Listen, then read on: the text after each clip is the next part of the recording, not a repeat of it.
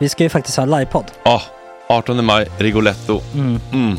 Jag kommer inte ens nämna stolarna. Nej. För det, det har jag pratat om. Ja. Nu ska vi prata om showen. Ja, bara kort då bara för de som inte vet. Alltså, man kan alltså, alltså stolarna, man kan reclina dem Ja. och ligga som Joey och Chandler Ja. i Friends. Och så har man en QR-kod och så trycker man på vilken sprit man vill ha. Och så drar man in en GT för 160 kronor. Och sen så kommer den till eh, ens Till plats. Ja, Ja. det, Det, det, finns så mycket benutrymme också att servitörer kommer kunna gå helt ostört. Vet du vad det är? Det är som business class. Ja, ja, verkligen. Och när vi då pratar om stolarna så kan jag också bara säga att man kan fälla upp eh, mitten, arm, armstödet, så får man en som- soffa. med sin partner. Ja, det man kan kommer bli ja, jätteroligt. Och Men vi skit kommer också i ha, stolarna. ja, vi kommer också ha typ två fotbollslag på scenen. Ja, det kommer Alltså. vara, alltså det är svårt att rabbla upp alla i huvudet nu för det är Startelvan. så många. Ja. Men alltså Mattssons massaker, tänk dig den live. Mm. Jo, Jonas Dahlqvists frågelåda. Mm. Ekis, Lady Damer. Vi har Fanny Svärd, Marve. Tora, Tjejnytt gör comeback. Det är, ja, det är på en nivå av mycket folk. Ja, det kommer bli, ehm, det kommer bli något helt annat. Någonting man aldrig har sett på Nej. en scen tror jag. Vi kommer ha allt. Allt kommer finnas. Cirkus och Cirkus. Och det, det som är skönt med, med de där slutna rummen är också att man kan ju faktiskt ta upp saker som man ibland känner att det här kan man inte riktigt ha ute i etern. Nej. Men om Sanna Dollan har fått någon invit från någon gift känd man så kanske man kan lägga upp det på en bioduk. Ja, Alltså vi har tillgång Fotoförbud. till... Fotoförbud. Exakt, vi har faktiskt tillgång till bioduken. Mm. Alltså, gott snack upp på stora bioduken. Mm. Det är något nytt. Missa inte det här. Nej, det kommer bli otroligt kul. Biljetterna på filmstaden.se. Eh, ta med en god vän så tar vi Mm. med oss Johan Rabaeus. Exakt. och det kommer också vara, det, det är så mycket Förfest, det förfest i Ja. den här eh, Rigoletto-baren. Det kommer vara en hel dag. liksom. Det kommer vara en hel dag. Ja, och sen det är såklart alkohol, allting bara beställ in till platserna ni sitter på. Ni kommer liksom vara så bekväma, ni kommer ha kul. Är förfesten bara för Patreons eller? Ja, vi kan kika på det. Vi får kika på Ja, det. det kommer en hel dag i alla fall och så Det blir det någon slags efterfest också. Ja, gud ja. Mm. Vad är en Gott Snack eh, livepodd utan efterfest? Gud, det kommer bli så kul. Så länge sedan vi hade livepodd. Ja, det ska Längtar. bli skitkul. Ja, vi ses där hörni. Men, vart köper man biljetterna? Filmstaden.se. Ja, in och köp. Vi Sök på Gott Snack där bara. 18 maj. Puss, hej. Hej.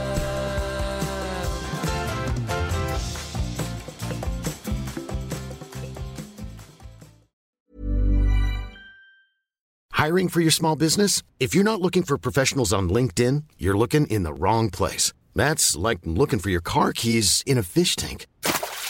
LinkedIn helps you hire professionals you can't find anywhere else, even those who aren't actively searching for a new job but might be open to the perfect role. In a given month, over 70% of LinkedIn users don't even visit other leading job sites. So start looking in the right place. With LinkedIn, you can hire professionals like a professional. Post your free job on linkedin.com/people slash people today. A lot can happen in the next three years. Like a chatbot may be your new best friend.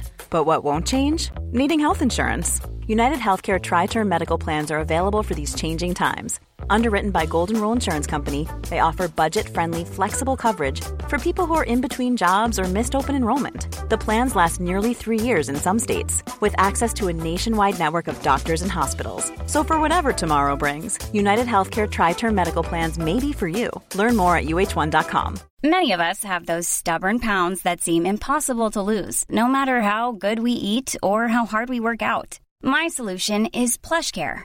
PlushCare is a leading telehealth provider with doctors who are there for you day and night to partner with you in your weight loss journey. They can prescribe FDA-approved weight loss medications like Wagovi and Zepbound for those who qualify. Plus, they accept most insurance plans. To get started, visit plushcare.com slash weight loss. That's plushcare.com slash weight loss.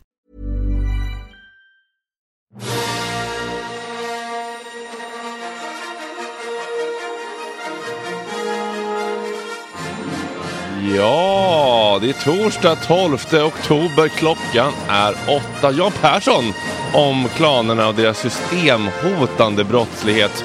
Gänget nu även styr nu gängen även vårdcentraler. Måste man sluta partyvaccinera sig nu också? Petter Ströbeck med världspremiär för sin nya låt Sista serenad. Min advokat Rickard Valentin om Fröken Snusks managers hot om stämning. Fanns det juridisk substans eller var det bara killkäbbel? Isodor Olsbjörk om sin nya trollerishow. Och Emma Bovin live från Gazaremsan. Och då menar jag inte min mellangård utan di Gazaremsan. God morgon!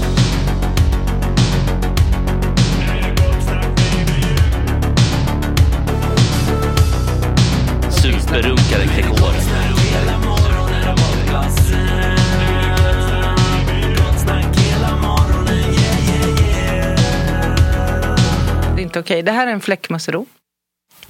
Petter, det är Malin här, en kvinna nu. Och eh, bet, jag, jag, jag, jag, jag, jag har försökt få Ploy att förstå hur man ska skumma mjölken lagom mjukt. Man behöver inte ens säga till, den bara blir perfekt mjukt. Kvinnor, mjuka värden, de förstår det där på ett helt annat sätt. Ja. God morgon Malin och tack. God morgon, god morgon. Tack för dina mjuka värden. hur, eh, hur är det med dig? Eh, det är bara bra. Är det det? Ja. Vad härligt att höra. Mm-mm. Skönt att slippa kvinnlig konkurrens. Ja, det är skönt att slippa konkurrens ibland. Ja. Ja. Det är som att jag skulle ha också haft nu, Petter, här samtidigt som dig. Ginger-Jompa. För då tänker du TikTokare eller? Ja. Det, är de, du- det är det du vet. ja, precis. Ja. Eller om jag skulle haft Kalle Nilsson här samtidigt. Eller Gott Snack Radio. För att på TikTok, att det går bra på TikTok nu. Ja, Ja, tack för att du startade det kontot en gång i tiden. Var det du? ja eller? det var jag. Ja. Det var jag. Det var lilla jag. jag var, Ja. det var typ det första auktoritära jag gjorde i hela Gott Snack, alltså min praktik här. Ja, alltså, Vågade inte göra någonting men sen bara bestämde jag mig, nej det gör vi TikTok-konto. du tog eh, initiativ helt enkelt. Ja exakt. Mycket bra. Ja, men det gick- har gått ganska bra för den här eh, den här lilla videon vi har eh, när vi fick ett samtal igår från, vi fick faktiskt två samtal igår. Mm. Först från Fröken Snusks um, maneger och sen från manegens gode man. Mm. Jag tror Ju. att det var tvärtom. ja, okej. Eller alltså jag tror att först fick vi det här samtalet från han Gossi då. Ja, Som är någon, han är ju också, han är producent. okej. Så han, han, jag vet inte ens varför han ringde, det är det som är så här oklart. Inte han, han, han är väl också, äger väl antagligen Gossi Records. Ja det kanske, ja men det är väl Ja, det känns ju rimligt. Det, Ja, det känns det är rimligt. Eh, Men han som ringde sen, det var ju han som var manager. Aha, jag. okej. Jag tror det. Ja. Men vi det- hade någon som satt här också eller? Ja, Ja, precis. Var det person. samma kille som ringde? Nej. Nej det var Han du, verkade ganska Tre, tredje part. Ja. Ja. Ja, min advokat Rickard Valentin kommer i alla fall vid nio och så ska vi reda ut om det helt enkelt finns substans för stämningsansökan. Om, jag, Ja. om vi har gjort något brottsligt och det finns fog för en, ett civilrättsmål eller om vi kan andas ut. Vi ska se om vi har med oss Emma Bovin från självaste Gaza-regionen. God morgon, Emma är du med oss? Jag är med. Otroligt Emma, hur, hur är läget? Var, var är du? Jag är i Jerusalem nu. Östra Jerusalem. Okej, och Eh, eh, så jag, jag, ska inte avslöja mina geografiska kunskapsluckor, så jag ställer inga följdfrågor kring geografin. Men eh, vad är din, eh, när, när reste du? När for du dit? Jag åkte i söndags, alltså natten till söndag började jag åka. Okej, Eh, Där bröt jag ut på Ja. lördagen, var, det, var det en bra flight? Eh, Så jag var framme vid lunchtid på söndagen eh, och landade med typ det sista planet kanske som, ah, som kom hit. Sista Norwegian-planet i alla fall innan nästan all kommersiell trafik ställde in. mm. Var det en bra flight? Ja, det var det, hade du first class? Ja, alltså det var en eh, ganska, en ganska paradoxal flight faktiskt. Det var som att den norska besättningen levde i parallell verkligheten och så här, nu går vi in för landning i Tel Aviv, vädret är fint, Ja. det är 9 grader varmt och jag önskar er en härlig dag. Just det, helt opåverkade liksom. De tog inte in Ja. liksom, världsläget i sina liksom, eh, Där, rutiner. Mm. Cabin crew cross check report please. Vi grundar med tax-free sprit. Okej, och sen då. Har du, har du någon slags fixer eller liksom ledsagare där? Du är inte bara helt släppt vind för våg hoppas jag. Nej. Alltså jag, har, jag har ju varit här mycket, jag känner många människor här. Eh, min tolk och, och fixare eller lokala producenter om man ska kalla dem.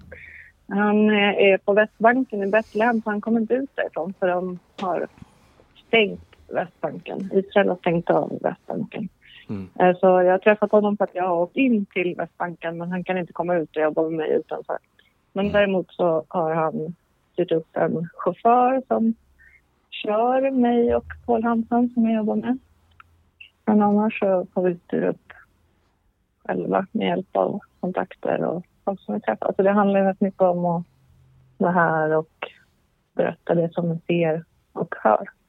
Så vi Ja. åker runt mycket. Jag har varit nere i så nära Gaza som man kan komma. Det går inte att komma in där. Det är ju helt stängt och Vad- belägrat. Vad har du sett och hört som har fastnat hos dig? Alltså dels så är det ju såklart alla historier från överlevare efter eh, Hamas terrorattack i lördags. Människor som berättar om hur de var fast i sina hus. Eller de vaknade på morgonen. De bor ju i områden liksom runt om Gaza är ganska vana vid att det går bomblarm. För Hamas har skjutit raketer under många år. Och då. Man vaknade av bomblarmet, inget ovanligt. Men sen hur det började liksom spridas i deras WhatsApp-grupper om inkräktare utanför husen. Hur det var liksom som soldater i konstiga uniformer som de inte kände igen.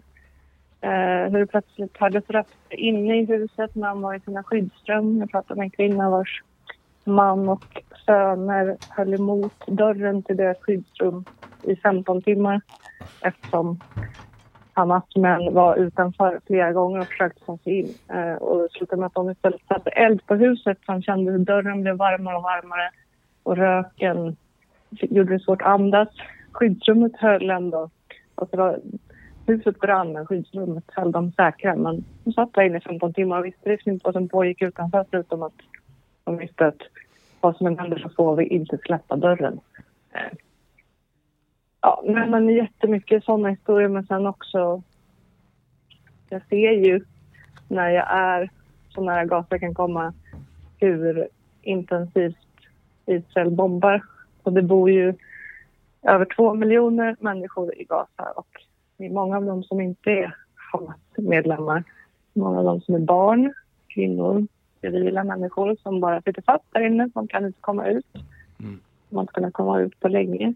Och nu så bombas deras hus. Det är 300 000 personer som är på flykt. Och jag står utanför. Jag bara känner marken skaka. Att, Men vet du, Alltså, jag- får, de, får, de, får de fly någonstans då?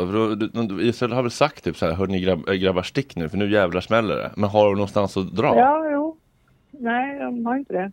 De sa ju nu tycker jag att ni ska bege er till Egypten. Och sen så bombade de gränsen till Egypten så det är omöjligt. Alltså jag har en, en vän som är inne i Gaza. Han heter Ibrahim. Han är också journalist eh, och jag messar med honom så ofta jag kan för att se så att han fortfarande lever.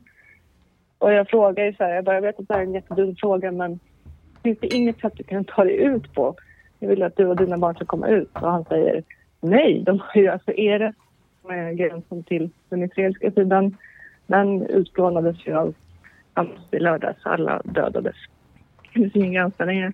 Och Röfa, korsningen inne i Egypten, den bombades då häromdagen. Så det finns ingen det finns inget sätt att ta sig ut där heller. Och Israel har inte öppnat några humanitära korridorer. Är, Om jag låter lite så här stressad så är det för att jag har varit på liksom, adrenalin sen i lördags. Du låter, är väldigt lugn, du låter väldigt lugn måste jag säga. Men då är den här uppmaningen att liksom fly någon slags skengodhet för att vi ska tänka, ja ah, de är de, i alla fall, eller liksom det, det, om de inte kan fly så blir den uppmaningen lite meningslös. Ja, alltså jag ska inte tolka vad de menar med det. Eh, Jag vet inte vad de menar med det, men de kan inte fly. Så är det. Det finns det- heller inga skyddsrum i Gaza, så de kan inte heller sätta sig liksom, i säkerhet. Utan det de gör är att flytta sig från plats till plats och hoppas att kvarteret de råkar befinna sig i är... Alltså Ibrahim skrev till mig igår att nu, nu finns det, nu har vi inga alternativ längre. Vi är, vi är bara hemma så att vi, vi kan inte vara någon annanstans. De har bombat alla ställen som vi tänkte var säkra. Alltså bostadskvarter, skolor, sjukhus. Så de sitter bara hemma och det- hoppas att deras hus inte kommer bli bombat. Liksom. Ja. Ja, fy fan vilket liv. Finns det några journalister inne i, i Gaza? Eh, någon, nå- Ja, lokala journalister som Ibrahim, min vän. mm. Inga, Eh, in, inga riskerar internationella? också- Nej, vi kommer inte in. Alltså det går... Om ingen kommer ut och ingen kommer in, eh, så är det. Just Det är svårt att komma in i Gaza även i vanliga fall. Eh, Men nu är det omöjligt. Alltså jag har försökt åka så nära som jag kan. Jag, jag ska säga att jag skulle inte åka in i Gaza just nu. Faktiskt. Eh, Jag skulle inte få det heller för min redaktion. Hur nära är du då? jag har försökt Hur långt är det? nära. Hur nära kommer nu du? är jag i Jerusalem. Jag sover i Jerusalem men jag, jag kommer ungefär 10 kilometer bort. Så att jag ser och hör eh, bomberna och jag, ser, jag står precis där raketerna från eh, Gazasidan flyger över. Eh, men sen så är det avspärrat. De har gjort en militärzon runt Gaza. Det, kommer det några raketer från, från Gaza? Alltså några tillbaka-kakor? Jättemånga raketer Ja. kommer från Gaza.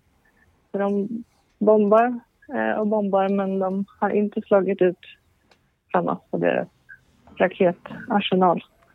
kommer jättemånga. Det är ganska obehagligt också när man står på andra sidan eftersom Ja. Eh, även om de inte siktar på just där man står kan man ju hoppas så vet man ju dels inte hur bra de är på att sikta och sen så kan det ju ramla ner saker. Alltså Israel har ett sånt luftvärnsförsvar, Iron Dome, eh, som skjuter ner raketerna Mm. så att de inte ska träffa men då kan det ju ramla ner delar. Så man vet ju aldrig riktigt vad som träffar vad. Nej. Och eh, hur, vad är din plan? Hur länge ska du vara där, typ? Jag vet inte riktigt. Uh, nu går det inte riktigt att ta sig ut. Det är så himla många som, alltså det är flygen, alla flyg är precis inställda. Och det är flera länder som försöker evakuera sina medborgare. Och då gör de det via Jordanien och den gränsen är därför helt överhopad med människor. Och den är inte öppen så många timmar om dagen. Men nu har inte jag försökt ta mig ut eh, och har inte tänkt göra det heller. Så att imorgon så pratas det om den stora vredens dag, palestiniernas vredesdag. Eh, så det är många som tror att det kommer att bli ännu värre i helgen. Och vi väntar ju också på Israels förmodade markinvasion. Så jag blir kvar här ett tag till. Eh, Mina barn vill gärna att jag ska komma hem, men Jag, jag hörde, jag hörde Emma att du fyller år idag också. Jag fyller år idag. Eh, hotell, restaurangen, sjöng för mig. Ja var fem personer. ja må hon leva ut i hundrade år. Ja visst ska hon leva, ja visst ska hon leva, ja visst ska hon leva ut i hundrade år. Hipp hipp hurra. Men Emma, eh, du har ju då barn. Hur pratar du med dina barn om det här? Det är ju inte helt okomplicerat, eller? Nej, det är det inte. Jag pratade, om, jag pratade med dem i morse för att de ringde för att eh, gratulera mig till födelsedagen. Och eh, min största är tio så han fattar en del. Han sa, kan du komma hem mamma?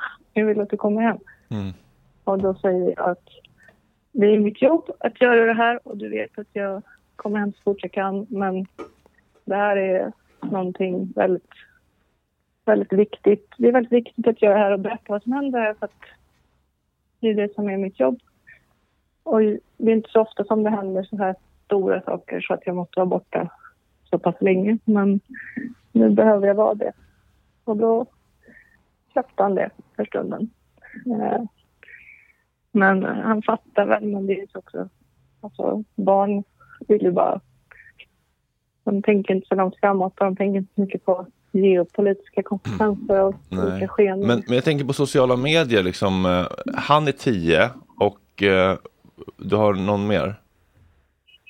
Ja, hon är. Min Sju. Ja, hur tänker du kring det liksom? Så att, för liksom deras hjärnor är inte riktigt eh, kapabla att liksom kanske ta in de här, det är inte riktigt våra heller liksom, men, men att, att se Nej. så här otroligt fasansfulla saker är ju liksom Mm. rakt av skadligt för så outvecklade hjärnor. Hur, Hur, hur, har De har ju inga sociala medier men däremot så är det ju många av deras kompisar som är på TikTok Ja. och sådär. Ja. Eh, jag vet inte. Alltså min man är ju hemma och pratar ju med dem och hoppas att han håller koll på vad de hör och inte hör. Men vanligtvis kan man alltid utgå ifrån att de får höra typ det värsta Ja. av allting. Och eh, konspirationsteorier och felaktiga uppgifter och så. Ja. Men min son är väldigt lik mig i sin envishet och sin eh, källkritik. Källkritik, ja. Källa på det. Ja, men jag tänker liksom på bilder på liksom bestialiska mord och liksom styckade Ja, kroppsdelar jag och tror sånt. inte att han ser så mycket sånt faktiskt. Tror Alltså, Emma, inte det trodde inte min mamma själv. heller. Nej, okej, de har inte, de har inte. När, när kommer de få del av det, tänker du? Alltså 18-årsdagen. ja men typ alltså, jag tycker att det faktiskt är en, en rimlig gräns. Okej men Emma, du, eh, du är väldigt gullig i hjälm i alla fall. Eh, Det, det har vi konstaterat. Tack Fredrik. Och eh, tack för att du tog dig tid att prata med oss och eh, var rädd om dig och eh, ja, tack för att du gör ditt jobb. Ja men tack själv. Ha det bra Ha så det länge. bra. Vi hörs. Hej då, lycka till. Hej.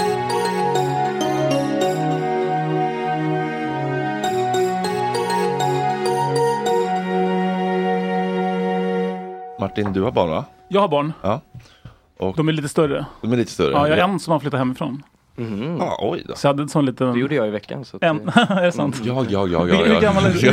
Hur gammal är du? 21. 21, ja. Mysigt. Grattis till er båda. Ja. Eh, hur, var, det, var, det, var det smärtsamt när ditt... eh, Hur, gammal, hur länge sedan var det? Ja men det var, det var ett par år sedan.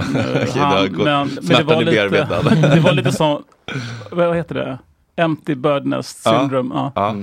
Men, vad- men vad- hade du någon kvar? Eller Ja. blev du ensam i hemmet? Nej jag, jag har en kvar. En kvar, men då, Mm. det- när, den ryker, då blir det ju Då blir det... Moraklockan. Tick, tock, Nej men då, då, då, ja, det, Då är jag, det bara träfracken som väntar. Liksom. She's leaving jag tänker tvärtom. Jag tänker tvärtom. Ja, nu blir det horhus. Nu börjar mitt... eh, Singelliv. Martin McLeans. Tar det fart på Epilogen, nu jävlar kör vi. Exakt. Ehm, Kör in i kaklet. Okej, men hur gammal är din yngsta då? Han, eh, hon, hon är ju Förlåt. 14. Jag ska inte Ja. tvångskänna. Eh, men, hur, men hur pratar du om, om sådana här svåra saker? Så de, eh, det här har inte jag, jag har inte haft dem nu på ett tag un, under det här, när det här bröt så Jag har inte behövt Du hantera det. Israel Palestina så det är blommor och bin. Men, ja, herregud, den också. Nej men eh, det är ju, eh, jag tycker att det har varit förvånansvärt, de har varit förvånansvärt ointresserade när sådana här saker har hänt. Ja, det- Att vilja prata om. Det är som att de men, hanterar men, men det. de känner till det?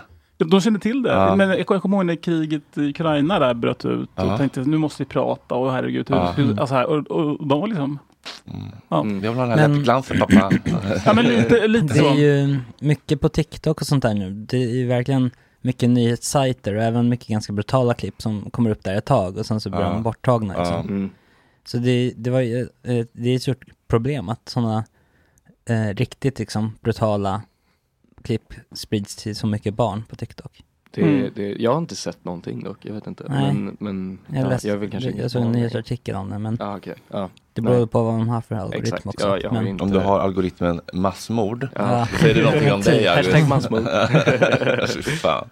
Nej men, ehm, okej så, det, så du, du väcker inte den uh, oallmänbildade björn som sover? Så Jag försöker, jag försöker men intresset är inte så stort. Nej, är skönt kanske lite. Jag vet inte, jag blir lite bekymrad. Mm. Eh, Samtidigt så är de, mina barn så otroligt eh, kloka i övrigt så jag känner att ja, men de, de, de kanske pratar om det med varandra, jag vet inte. Mm. Mm. Eller Ja. så, så, man kanske inte måste heller jag vet inte, de har väl liksom andra intressen också. Så jag, tror inte, jag tror inte de ser de här filmerna du pratade om med Emma till exempel. Nej. De här klippen, fruktansvärda klippen som har spridits. Ja, har du sett några? Nej, jag har också undvikit dem. In Ja men det på... går verkligen att undvika väl? Ja, men det var jag som råkade gå in på Kalle Schulmans, eh, han ätade någon Ja. Mm. som hade en massa stories. Ja. Det var ju, det var inga roliga scener alltså. Nej, jag, jag tror inte det är heller nyttigt för någon egentligen att se det. Alltså jag tror inte det, ja, jag vet inte, jag har ingen aning. Nej, alltså, och- jag har blivit lite avtrubbad ja men exakt, jag tror att det är det som, det gör ju, det blir ju Ja. det. Det Ja, blir ju man lätt bara- så. Ja. Ja, man har sett Ehm. dödande så mycket nu. Det är fan helt jävla fruktansvärt ändå att man har sett så mycket dö- människor dödas. Mm. Att man Ja. liksom är avtrubbad inför det. Ja. Det, det vill man inte vara. Nej, Mm. gud nej. Nej. Alltså, jag minns ju också när jag gick i typ mellanstadiet att det blev liksom som en rolig grej att visa så sjuka grejer till varandra. Chock, chock. Ja, men det är så här chockgrejer. Typ. Ja, IS, IS-halshuggning. Ja, typ så. Nej. Alltså verkligen. Jag kommer ihåg en klassiker när, uff, den var det. Det var en eh, skogshuggare som högg av ett träd som sen svingade tillbaka och slog av huvudet så det flög iväg. Så Mm. Det var ganska långt bort så man såg inte på nära håll. Men vänta nu här, nu förstår jag inte. Han satt i någon sån här sele fast i- vid en stam, Aha. i stammen. Och så var det en stor liksom gren som svingade. Så, puff. För, som med flit skulle beheada honom? Nej, Nej. det var en olycka. Ja, jag tänkte vilket otroligt och sadistiskt eh, avrättningssätt. Nej, det var en olycka. Malin, håller du på att kolla på sådana här typer av gore-klipp?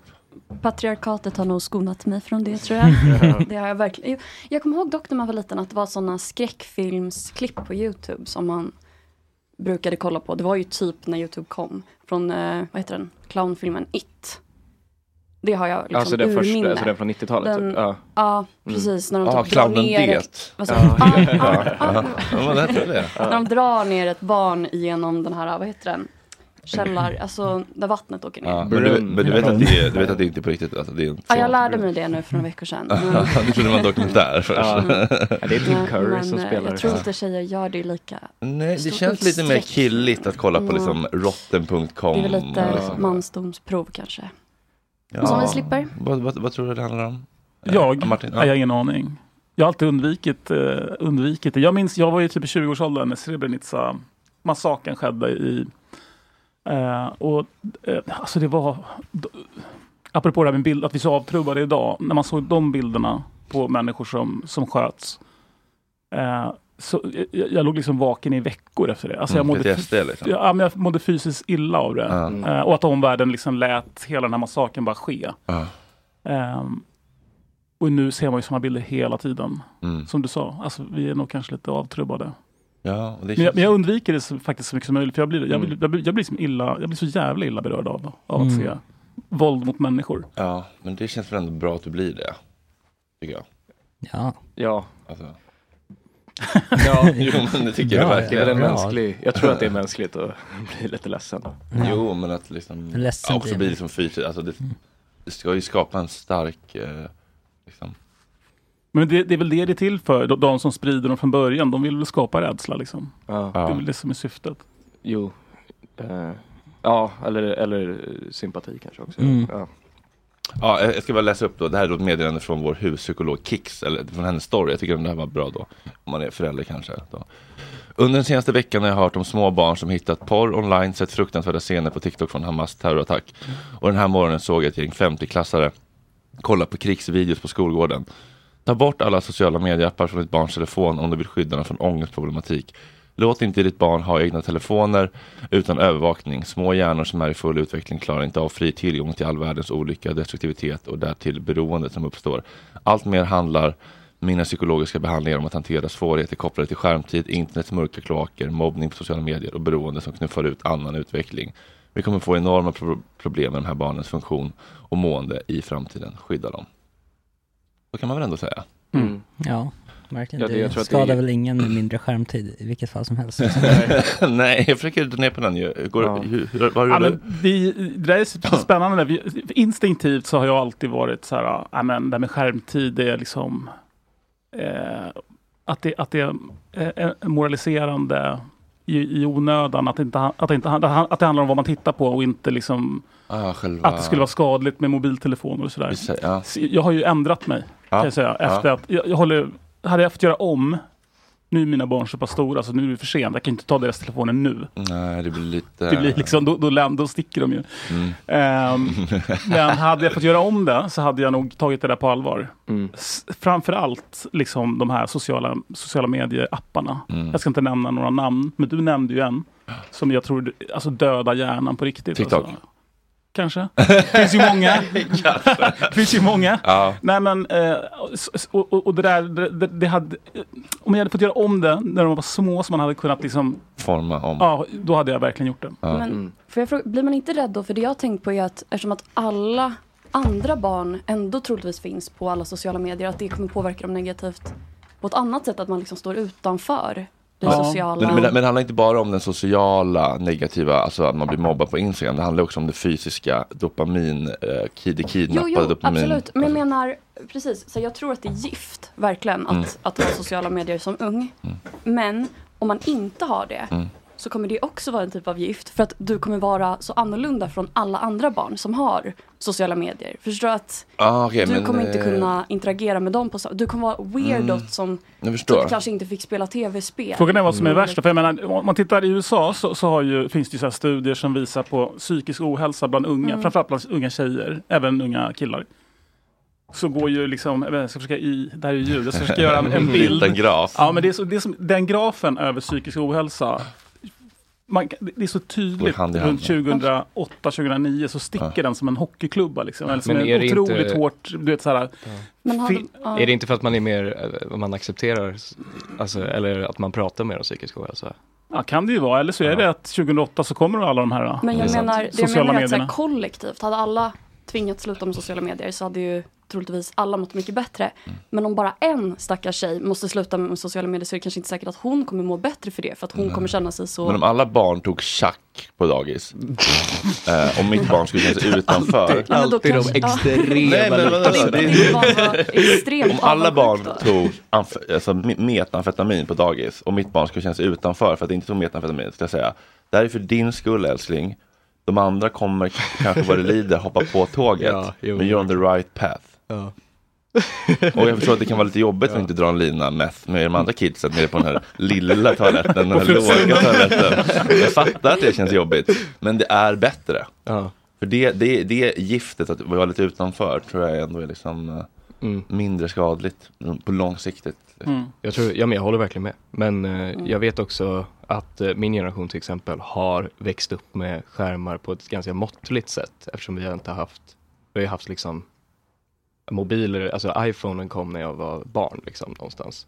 Mm. Eh, och jag, jag vet ju inte än alla konsekvenser. Men, Men du hade liksom kanske inte de här sociala medierna-apparna då när du var Nej, som mest formbar och behövde Ja, sova exakt. på kvällarna och Nej. sådär. Jag tänker liksom att jag, var, att jag från början eh, var skeptisk till det här med att man skulle vara, vara noga med skärmtid. Det, var, det, det grundade jag på att min, han som flyttade hemifrån som jag pratade Mm. om.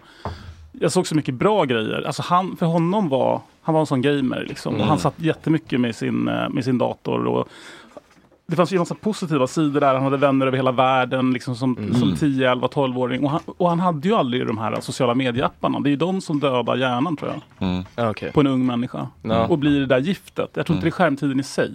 Nej, det är sant. Det är, Nej, alltså det, det är ju eh, precis, det är inte som att titta på en, en skärm i blått ljus som är så himla skadligt. Det är ju det här att det hela tiden, när man fort man inte har stimuli så ska man ha lite ett intermittent förstärkning i form av dopaminkickar. Och, vän, och programmera hjärnan på det. Och den hela tiden, och så när man inte har det då blir, då blir man som TikTok, vad heter han, kille och bara, det bara dissociera direkt liksom. Ja. Man kan inte fokusera på en grej mer efter två Och de minuter. grejerna kom ju där runt 2008, Mm. 9, 10 Ja. och framåt. Så att liksom, Mm. Ja. Och, och, men också det man inte gör, det det, det puttar bort. Alltså, alltså äh, jag, jag, jag, gör liksom inte så, eller så här, det, det, är inte så mycket kanske att jag, jag gör dåliga saker, men det är att jag inte läser en bok för att det, det, det knuffar bort vettigare Mm. saker. Ja, från det ena till det andra. Klanerna, den systemhotande brottsligheten. Välkommen Jan Persson, en av författarna till den boken. Tack så mycket. Nu ska det bli mer elände och mörker. Ja, precis. Jag har suttit och lyssnat här ett tag. Och Ja. Deprimerad alltså. Deprimerad, ja. Och nu ska vi bli ännu mer deprimerade då. För att du har inga lösningar. Du bara beskriver ett stort, fruktansvärt, systemhotande, kollapshotande mardrömsscenario. Ja, eh, det, kan man säga så? det kan man faktiskt säga. Men det är en Ja. verklighetsbeskrivning. Så Ja. allting som står i boken bygger ju på verifierbara fakta. Ja. Och den här, eh, vi är ju då två författare. Det är jag som är då, eh, den grävande journalisten Johannes Wahlström. Mm. Prisbelönt med både Guldspade och Stora Journalistpriset som Mm. tyvärr inte kunde vara med här idag. Han kunde, han kunde inte vara här och skryta för sig själv. Nej, precis. Jag, jag tänkte att jag gör väl det. Ja, det snällt av. Men eh, vår bok då, den, den bygger egentligen på det, det började, det började liksom ett eh, professionellt eh, konsultjobb vi hade. Eh, där vi skulle titta på, på risken för infiltration eh, i näringslivet framförallt. Och eh, under den här granskningen så bestämde vi oss för att för att få en korrekt bild som möjligt så begärde vi ut alla domar och eh, förundersökningsprotokoll under en femårsperiod med bäring på grova brott som skjutningar, sprängningar, eh, grov utpressning, eh, narkotikabrott och bedrägerier. Och, Ironiskt nu att Martin har för- förlorat sig i telefonen. TikTok. Jag försöker lägga upp en, en, eh, eh, på Instagram bara, Jaha. att folk ska lyssna. Vad fint. Sociala Okej. medier. Ja. Det är sån här multitasking, det är Ja. Mm.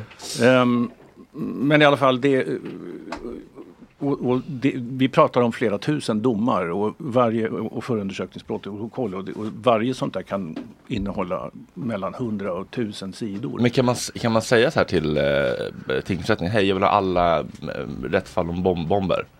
Eller ja, det kan du nog specifik? inte. Då får du liksom Du måste ha göra jobbet själv. Ja, du måste veta vilket, eh, vilken, vilken, vilken du vill ha ut. Så att säga. Jobbigt ju. Men vi gick via en leverantör som ägnar sig åt sånt här. Just det. Ja, Eh, skönt. så- Mm. ja. Delegera lite. I vart fall, eh, under den här granskningen så började vi se liksom att eh, när vi tittade på olika orter, ja men den här killen han har ju begått brott här också och vänta nu. Och så såg vi liksom att det, det, det hängde ihop på många sätt. Och följde man liksom det här bakåt kan man se att ja, men de ingår i en större familj. Och så kunde vi se liksom att ehm, det här är oerhört strukturerat, det är väl genomtänkt. Även om liksom själva domen kanske bara är ett ringa narkotikabrott så ingår de här personerna i, i, i ofta familjebaserade nätverk. Och, eh, det var ju liksom ett jättejobb att göra det här men när vi är klara då så, så vä- har vi valt ut ett antal case som vi beskriver i boken. Vi berättar också hur verkligheten ser ut efter varje case eh, när det gäller statistik och hur det ser ut i, i vårt närområde och i andra länder. Och eh, det som växer fram här det är ju en bild av att de här nätverken inte bara, alltså det vi ser i media det är ju skjutningar. Idag sköts två personer någonstans i Västberga och eh, igår var det någon annanstans i förrgår och sprängningar. Det är det som media väljer att rapportera för det är det som liksom drabbar oss själva eh, momentant. Men bakom det här så pågår en, en organiserad, strukturerad kriminell verksamhet. Och man, man kan ju säga här att de här klanerna som vi väljer att kalla dem. Eh, Är det problematiskt eh, ord eller? Jag vet, det vad, man menar, vad menar ni med klan? Jo, eh, det är det första läsarmöten man slår upp. eh, Det är ju en vedertagen definition. eh, Och eh, en klan är ett familjebaserat, organiserat kriminellt nätverk. eh, Som det finns inga sköna klaner som bara har Jo, det- kebaberior liksom? jag- Bara, jag- kör. jag kan komma tillbaks till det. Men, men, Ba- Bajenklanen. Ja. De har kilt. Exakt. Och går. Nej men som kommer från en, ett land eller en geografi där man har en svag stat och saknar tilltro till myndigheter. Mm. Och det gör att man bygger upp egna parallellsamhällen som eh, då svarar för eget rättssystem, egen finansiering, eh, socialt, eh, hu- sociala nätverk och hur, hur det där ska se ut. Och det vi ser är att man infiltrerar eh, näringsliv, offentlig förvaltning och till och med en, eh, högt upp i politiken. Och vi gör en jämförelse här med, vi har ju då eh, egna familjebaserade nätverk som har funnits här i flera hundra år ofta. Och då pratar vi om eh, familjen Wallenberg. Wallenberg, jag tänkte. eh, som, som idag kontrollerar över hälften av svenskt näringsliv. Oj, det är så mycket. Ja, och eh, vi har familjen Lundin, eh, Stenbeck, eh, Mm. de- Axon Jonsson. de vill oss ändå Mina väl, känns det ja, ja, eh, alltså skill- skillnaden här är ju ändå att De vill, de vill inte åtminstone vittra sönder samhället. Absolut inte. Utan de är ju idag samhällsbärare kan man säga. Mm. Eh, och stora arbetsgivare. Eh, motorn i svenskt eh, näringsliv. Orsaken till att vi är en av eh, är världens bästa eh, exportländer kan man ju Mm. säga. Med stora framgångsrika industrier. Skulle en sån här klan lyckas äta sig så långt in i samhällskroppen att de själva skulle kunna bli samhällsbärare, en eller flera kraner. Då är hela vår dem- demokrati i fara och vi ligger riktigt illa till. Men när du pratar om klaner, menar du liksom, inkluderar du då även de här, de här organiserade nätverken som inte, det är, det är inte liksom en familj eller det är inte en, etnicitet utan det är, bland, det, det är väldigt blandat. Det finns eh, ta, ta, ta de här nu som, som håller på, ligger bakom våldsvågen 2023. Dels eh, nätverket Foxtrot till Ja, exempel eller, ja. eller Dalen-nätverket som har legat i krig här under hela, under hela året. Räknar du det som en klan? Ja, alltså om jag ska f- försöka utveckla det här med klanen lite bättre då så kan man säga att en klan, kärnan i en klan är en familj, ett familjebaserat nätverk.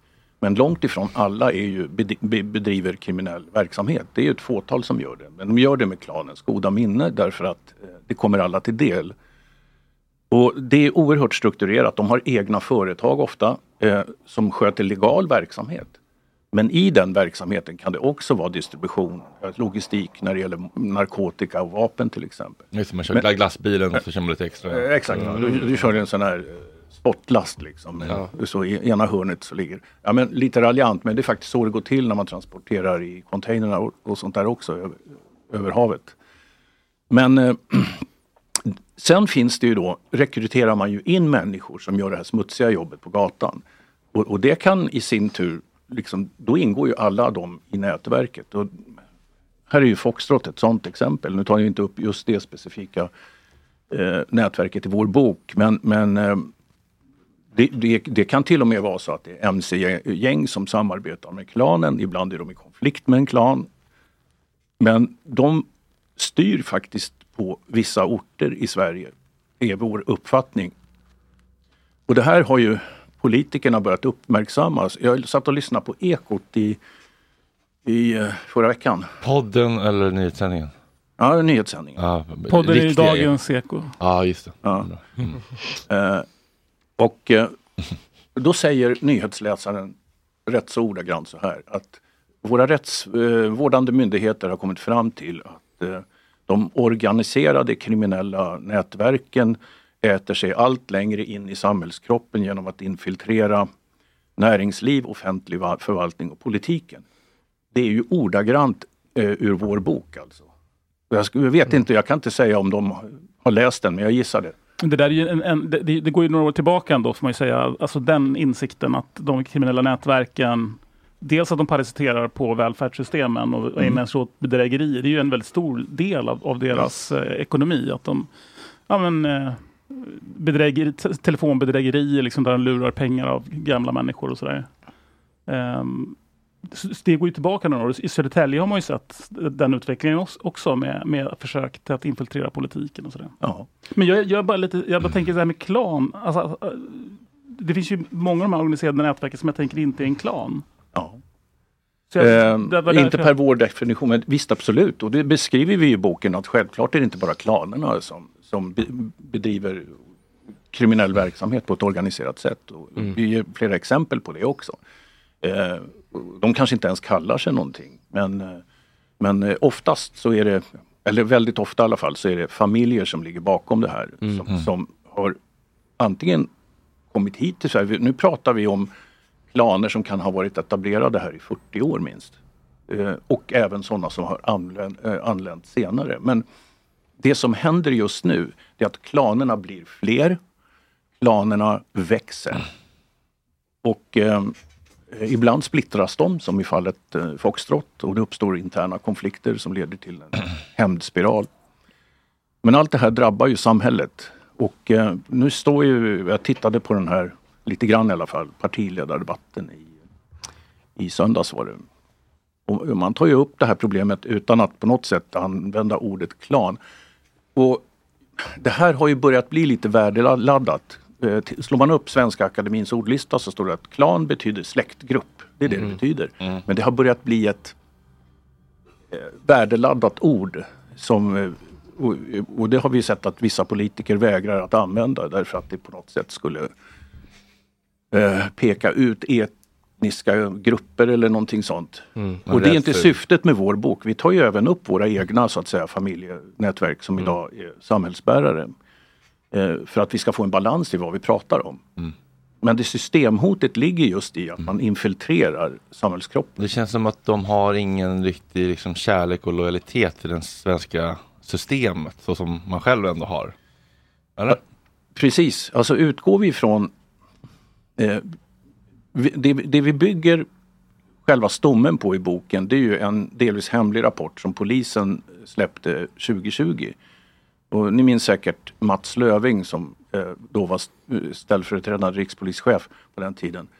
Eh, och som numera eh, tyvärr är avliden. Men han gick ju ut i media och sa att jag påstår, sa han, att vi har i Sverige ett 40-tal klaner som har kommit hit enbart med syftet att bedriva kriminell verksamhet. Och det blev ju ett himla liv här.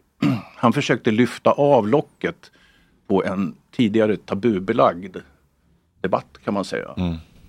Och, ehm, och det har funnits en, en, ett tabu kring att prata om det här därför att så fort man börjar prata om etnicitet eller geografiskt ursprung lägger man på locket eller någon drar rasistkortet. Det var, lä- det var väl ändå länge sedan det var så?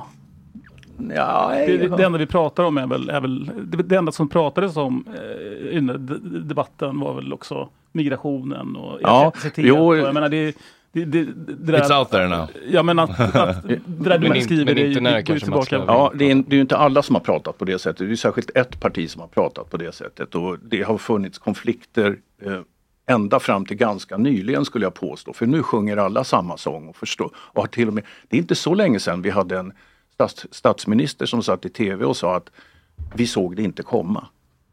Eh, det här då med kriminaliteten och de eh, eh, utsatta områdena. Och i, i boken så har vi lagt kartbilder på vilka områden som definieras som särskilt utsatta, utsatta och riskområden.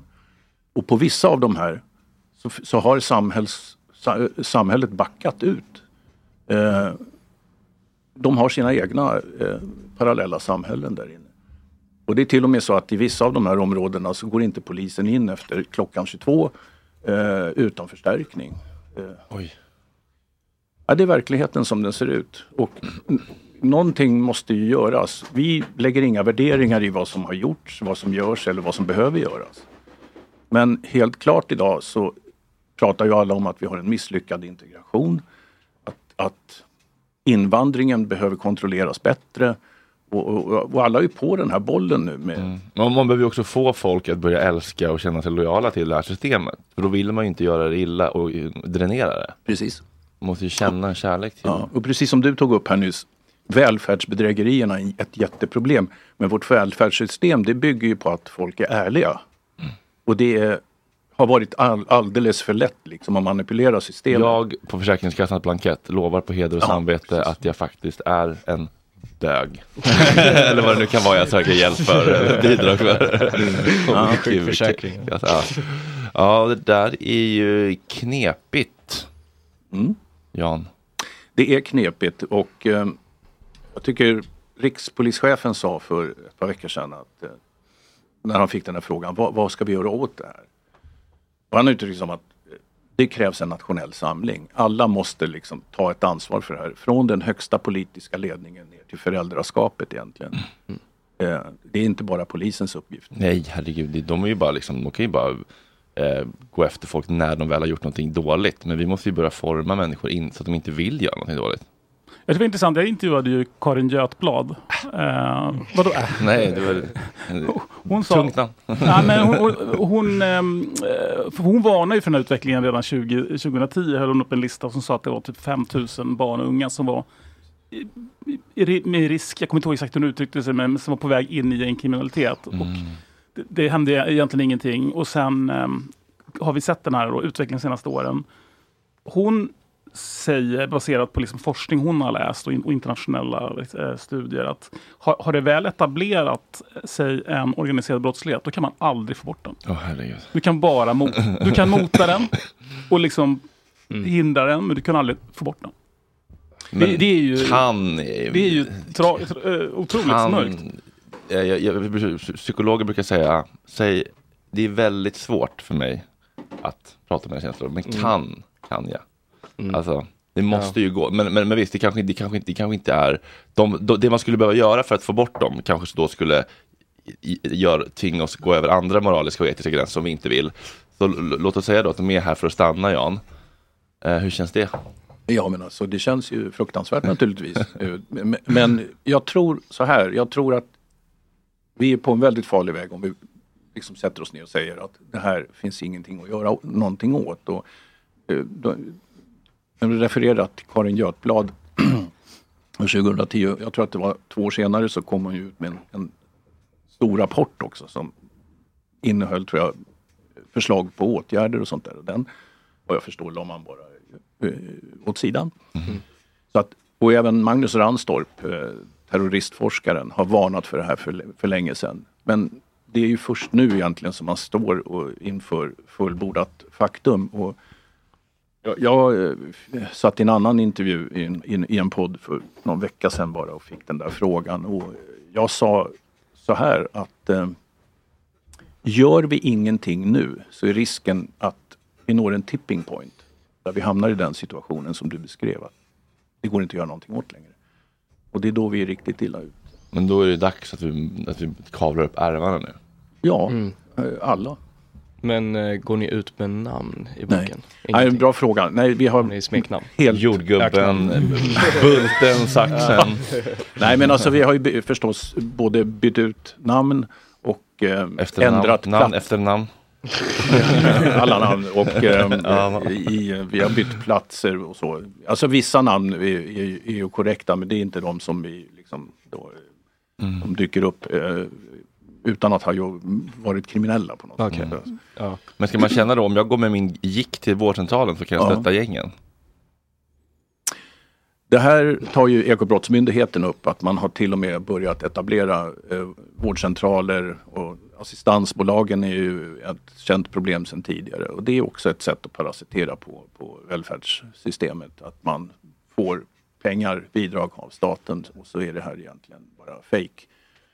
Det känns ju jäkligt taskigt att de mest utsatta som verkligen behöver liksom, vård och assistans att de liksom, att det, att det typ så här, kommer ingen. Alltså för att Ja. de bara liksom Alltså, bedrägerierna genererar, är alla, alla bedömare överens om, mer pengar till de här gängen än vad Så vi kan knarka med gott samvete. Partyknarka. ja, kör på. Det är vårdcentralen som är problemet. Skönt. Skönt. Ag- Agge. Bara du inte ramlar efter du har knarkat så är det lugnt. Ja, exakt. Sitt- Sitt hemma och knarka, sitt stilla, gå inte ut på krogen och ramla som ett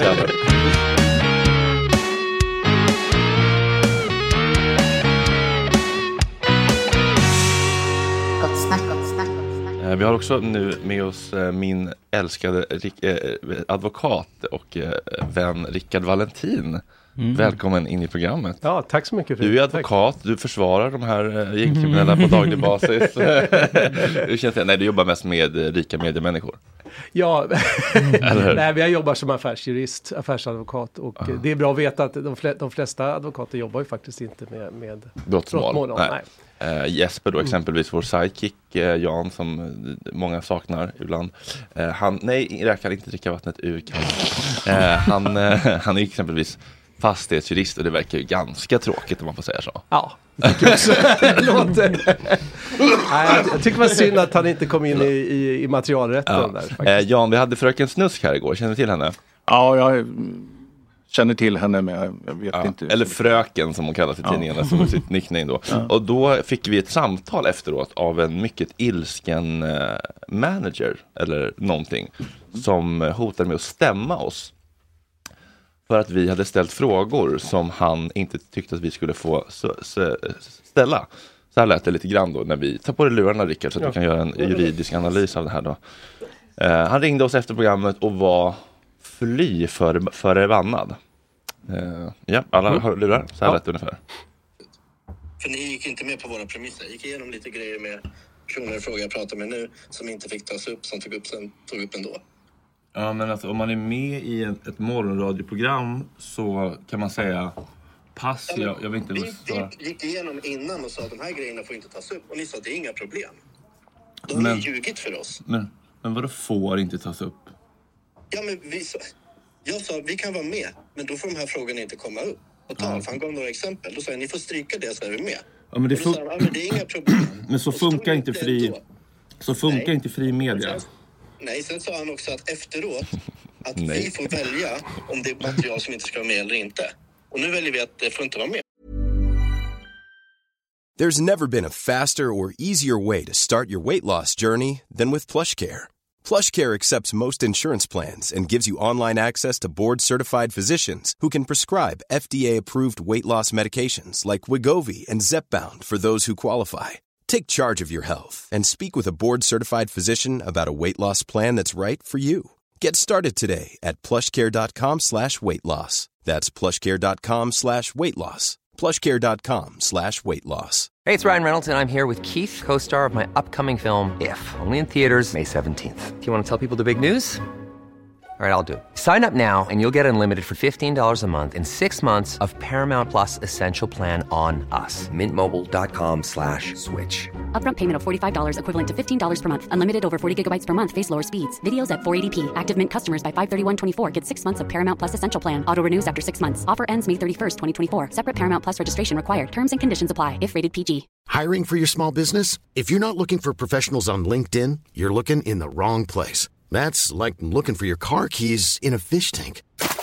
LinkedIn helps you hire professionals you can't find anywhere else, even those who aren't actively searching for a new job but might be open to the perfect role. In a given month, over 70% of LinkedIn users don't even visit other leading job sites. So start looking in the right place. With LinkedIn, you can hire professionals like a professional. Post your free job on linkedin.com slash people today.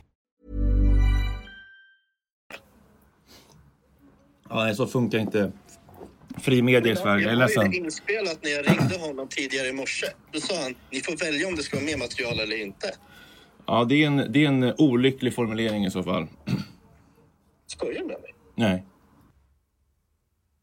Eh, och sen då precis så fick jag en notis. Eh, jag fick en notis på min telefon. Det var någon, eh, någon Otto eller något som sa någonting i chatten eller något. Jag vet inte. Så att, med, eh, filmen avbröts, men han sa precis efter detta, eh, okej, då kommer en stämningsansökan, klick. Och då skickade jag den videon till dig, Rickard, sa jag, kommer jag bli stämd nu? Kan jag bli stämd för detta? Och eh, du ska reda ut juridiken kring detta. Ja. ja, ja nej, men vi, vi, vi, vi kan ta det här liksom li, li, lite så här eh, mellan dig, eh, ja. Som om det här vore ett, eh, ett kri- krissamtal mellan oss. Ja, och att det är okej med dig. För en av de viktigaste sakerna som advokat är att man har sekretess såklart. Va? Men nu har du... Vi har så få lyssnare så det är i princip sekretess. så att eh, nu, nu, nu, nu kör vi det här. Mm. Nej men så här, alltså, det är ganska vanligt att folk hotar med stämningsansökningar. Och jag kan säga att, att det kan vara en del av en frustration över att man inte har fått som man har velat. Va? Men eh, Bakom ilska finns alltid ett ouppfyllt behov. Ja, någonstans. Och, och, och då ibland kan man ta till det där. Man, man säger jag ska anmäla dig för förtal eller jag ska stämma dig för olika saker. Eh, och min bedömning av det här är just att, att, att det handlar om det. För att för att kunna stämma någon så måste du ha en juridisk grund. En grund som håller i en domstol. En dom. Eh, och i det här fallet så, så är det väl, han tycker då att ni har någon form av överenskommelse. Just det. Vad man får- ska ställa för frågor. Orala överenskommelser gäller juridiskt har jag förstått. Ja, muntliga avtal är i och för sig lika bindande som... De är lika bindande som, som skriftliga i Ja. nästan alla, alla situationer. Ja. Men, men eh, Orala avtal, vad? Jan, jag tog en... Jan höll på att- alltså han hade dryck. Ja, kul. Ja, ja, men, men, men, men sen, sen är det så att, att precis som du säger här, vi, vi, vi, vi rör oss i, i fri media. Vi har en ansvarig utgivare. Det här är ett yttrandefrihetsskyddat medium, VI. Har man mer skydd om man har en ansvarig utgivare? Är det bättre att ha en, en ansvarig utgivare registrerad hos pressombudsmannen eller vad det heter? Jag, jag tycker det just, just för den här typen av sändning. Va? Mm. Men å andra sidan så blir ju det då, det är ju du som har det här exklusiva ansvaret. Mm. Så att folk som sitter här i din studio kan egentligen slänga ur sig förtalssaker. Men, Det har eh, hänt Jan, det har hänt. det- Men det är alltid det är Fredrik som är, som är ansvarig va? Mm. Eh, Är inte det lite oklart det där, har jag för mig, när det gäller poddar just? Alltså var landar ansvaret? Är det den som säger det, eller Ja, är det den som producerar det, eller Ja. är det den som plattform? Vem, vem, Ja. vem är det som är ansvarig för dem? Säg att jag skulle slänga ut med någon, någonting nu som någon vill. Är det jag som åker dit eller eh, just, Fredrik? just där vi befinner oss nu så, så, så ska jag säga att det är Fredrik. Eh, För du kan säga men- att Gossi är en horunge, det är lugnt. Det är jag som åker på den. Jan hade dryck igen. men, men, men du, du har helt rätt va? För att det där, det där brottas podd, podd, poddvärlden med just nu. För, för att i de flesta fall så har man ingen ansvarig utgivare. Eller ibland så kanske man tror att bara för att jag är på en stor plattform, då ska det finnas någon ansvarig utgivare. Men det gör det inte. Utan det, då kan det vara så att man som enskild podd på en plattform, just vår podd, är, är skyddad av, av eh, yttrandefriheten. Men, men det där är stökigt, så att är du med i en annan podd där man inte har ett ansvarigt utgivarskap, då är det du som är ansvarig. Den som, den som säger det, den som uttalar det. Ja. Och eh, fördelen av att ha en ansvarig utgivare, det är väl mer egentligen det här journalistiska som, som, som ni sysslar med, eh, båda två. Att, att, eh, eller alla, alla, alla, alla tre här. Att folk ska kunna känna sig trygga att komma till dig. Mm, jag är nog själv lite grann. Ja. Mänsklig själv. Ja, Mm. och, och du Jättebra. har också, det finns ett källskydd. Mm. Och eh, det är väl likadant om jag kommer till Martin och vill berätta något väldigt spännande när du är din, i, i P1-världen så Ja, att säga. just det. Då får ju du inte, om jag säger att jag vill ha källskydd så, så har jag ju rätt till det. Va? Ja, du har grundlagsskydd av det. Ja. Jag kan inte Nej. göra, eller liksom bry, inte bryta det. Bryta den och det är ju liksom en verkligt hederskodex för, för alla, Verkligen. för alla liksom journalister. Så man får kräva att berätta någonting och att inte bli outad. Ja, Du får inte gola. absolut. Du får Ja. Det, det, det är jätteviktigt. Bror, du får inte gola på mig. Källskydd Och- faktiskt i grundlagen. Nej, så, så, så, Jan viker sig. Jag, jag, jag tycker det är bra Fredrik att du, att du har, har gjort det på det sättet Ja, här. Mm. Och, och att det, jag vet också att det finns ett undantag i lagen att man kan just för direktsändningar eh, skriva över ansvaret. Ah, för att det är svårt live att hantera Ja, Jan när han går loss. Liksom. Ja. och det har hänt någon gång, alltså, och då skulle du behöva upprätta ett skriftligt avtal för alla som kommer in Oj vad här. jobbigt, nej det orkar jag inte. Och, eh, och det, jag tror att SVT provade det en gång och det blev ju så att det blev ingen debatt. det blev inget roligt. Ingen vågar säga något. Ingen vågar säga någonting. Så att då skippade man det. Kan man ta en sån lapp på dörren bara som sen när det filmas konserter? You're being recorded by entering, you agree. Ja, typ. Mm. Liksom. Ja. Men vi har ju också skriftligt mellan dem. Där det inte är så att han lovar någonting, utan att han ska kolla med dig. Ja, han säger så här, jag Mm. informerar programledaren. Så jag fick informationen om att hon vill inte ha, han vill inte att hon ska få de här frågorna. Jag Vilka fick frågor den- var det? Det var en fråga om eh, att Edvin Törnblom i podcasten Ursäkta hade tyckt att eh, Fröken Snusks låt Homofil borde haft en vers sjungen av en homofil för att det skulle bli mer inkluderande. Men det där faller väl också inom yttrandefriheten. Man får tycka vad man vill liksom. Men det är Mm. du som programledare som, som, som avgör. Ja, och eh, problemet med min konträra personlighet var att det här var den första frågan jag ställde till Fröken Snusk av rent trots. Nej, men så, så, sen kan jag väl tycka själv att man som deltagare i, en, i ett debattprogram eller en Mm. podd eller vad det nu är har ett ansvar för vad man säger naturligtvis. Så att eh, det kan man ju inte Ja. kasta på någon ansvarig Nej, utgivare. nej. Det, det, det, det, det är självklart. Nej, man ska ju Men alltså hur, hur funkar det rent, för hon svarade ju på Mm. frågor och Ja. var jättetrevlig och snäll. Underbar kvinna. Men vad är liksom hans rätt att bestämma vad hon ska svara på? Alltså är han hennes förmyndare eller? Nej. men alltså, vad, har han rätt att säga det här får hon inte svara på, men hon tycker inte att det är några pro- problem Kan svara kan Nej, men du, har, du har rätt Agge. Alltså, han, han kan ju inte bestämma över vad hon, vad hon ska yttra sig. Men över. om, om hon, hon är ju ett varumärke då, Fröken Snusk är ju en karaktär. Mm. Och en ägodel då till honom, Nej men blir det något annat då eftersom att hon då är en karaktär som han äger på något sätt Mm. kanske? Han äger kanske varumärket. Ja, du, du är inne på någonting. Ja. Men, men i och med att vi rör oss i en redaktionell värld Mm. så kan man använda varumärken och prata om varumärken och så. Eh, det skulle vara en annan sak om vi kanske liksom mot hans vilja, om, om Fredrik la ut Fröken Snusk liksom i ett kommersiellt syfte för att Okej. eh, sälja någonting eller göra reklam för era sponsorer och så vidare. Ah, just då, det. då, nu... då, då är vi inne i en, i en, annan, i en annan värld så att säga. Vi använder juridiskt. liksom, frök, jag tar på mig Fröken Snusk-luva och spelar in Karla-låten på nytt så att säga. Ja, då, Då då, börjar då, någonstans, då, då börjar vi liksom komma in i deras, in i gråzonerna. deras Bra idé till nästa Karla. Rosa Louis Vuitton-mask med ett ö, hål för det här orala avtalet. Nej. Men, jag tänkte jag kan fråga till journalister, ni, ni båda två är ju journalister, författare. Ja. Alltså, I vissa situationer, ja, För all del. Sorry Fredrik. Nej, jag tänkte till våra gäster här, eh, ju- just det här, kan det vara i vissa situationer där, en, där en, ett intervjuobjekt verkligen säger så här, att på grund av det här, det här, till exempel det kan vara något väldigt känsligt, något självmord eller Mm. försök och så vidare. Att man då ändå faktiskt respekterar det och sätter liksom spelreglerna. Jag, jag bollar frågan till dig för ett tillrättaläggande är att Ja. jag är visserligen författare men Ja. jag är inte journalist. Nej, okej. utan, men det känns, så- det känns bakgrund. som att du i, i söndagsintervjun har fått eh, mejl från människor med så här, jag kan komma till dig men jag vill inte prata om det här och Ja, då känner du hänt. det här, mm, mm, mm, vad heter det, värmesökande missil på det ämnet för att bryta ner dem så de börjar grina. Otroligt cynisk beskrivning. eh, var det det du menade med frågan? Ja, precis. Ja. Ja, men för då kan jag- nej, nej, men jag, jag, jag tror jag förstår. Nej, men för, jo, nej, men för att det, det ligger ju någonting i det, t- t- känner jag. Just när man gör söndagsintervjun, det är liksom en speciell typ av journalistik där människor kommer och öppnar sig och berättar om eh, ibland, det kan ha hänt saker som jag inte eh, kanske tycker att de måste prata om. Jag menar, om- om någon har förlorat sitt barn på ett hemskt sätt så kanske jag vill fråga om det, men jag måste ändå respektera att en person kanske inte vill prata om det.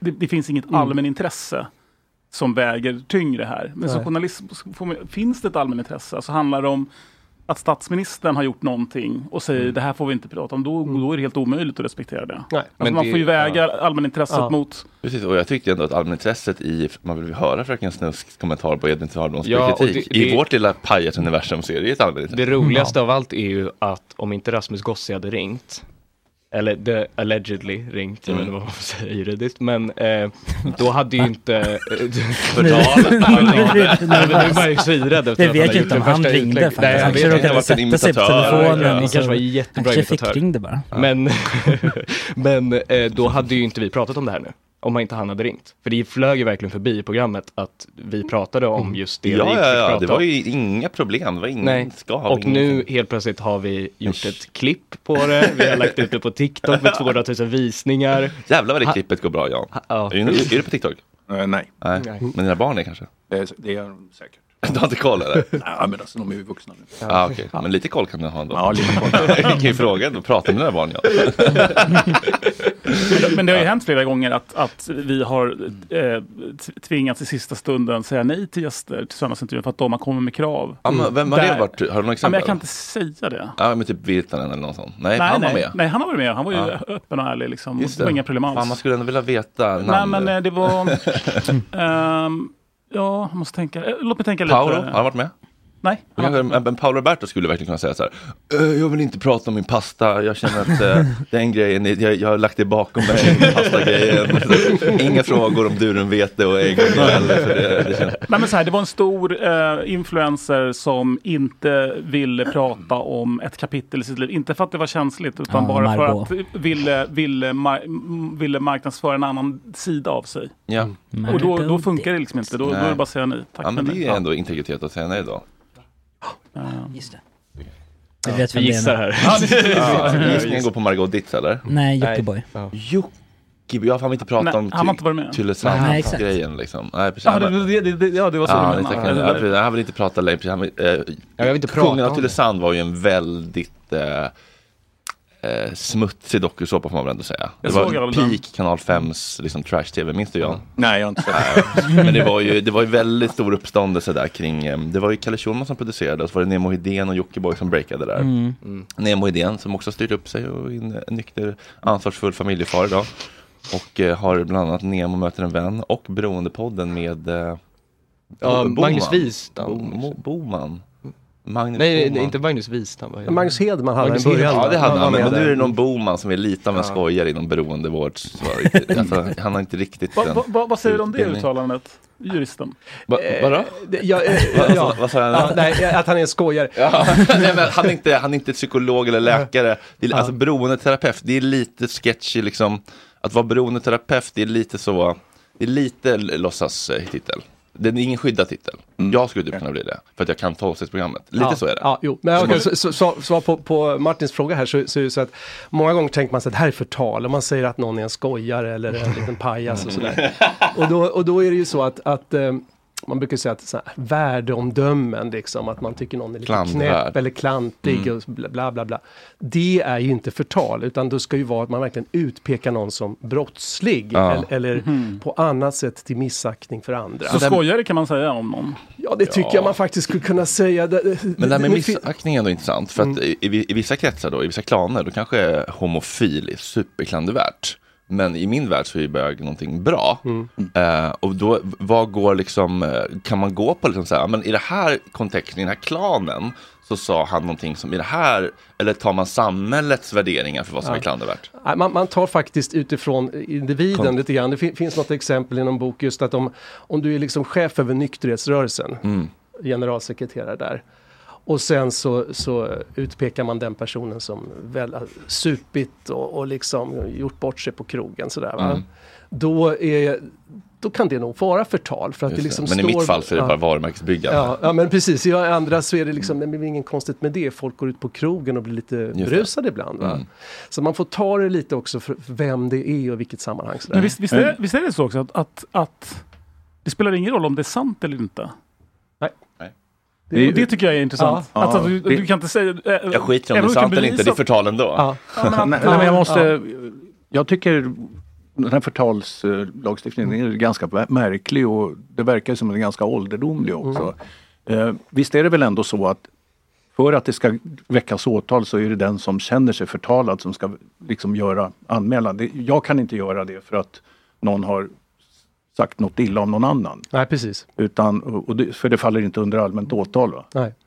Ja, men jag tänker på den här jättemärkliga historien med Kristdemokraternas eh, ledare när hon höll på och köpte det här huset av den gamla farbrorn. Mm. Och då var det någon advokat där som tydligen, eh, eh, jag tror att det var advokaten, var dömd för, för något eh, brott av något slag. Och, och det här tar hon upp.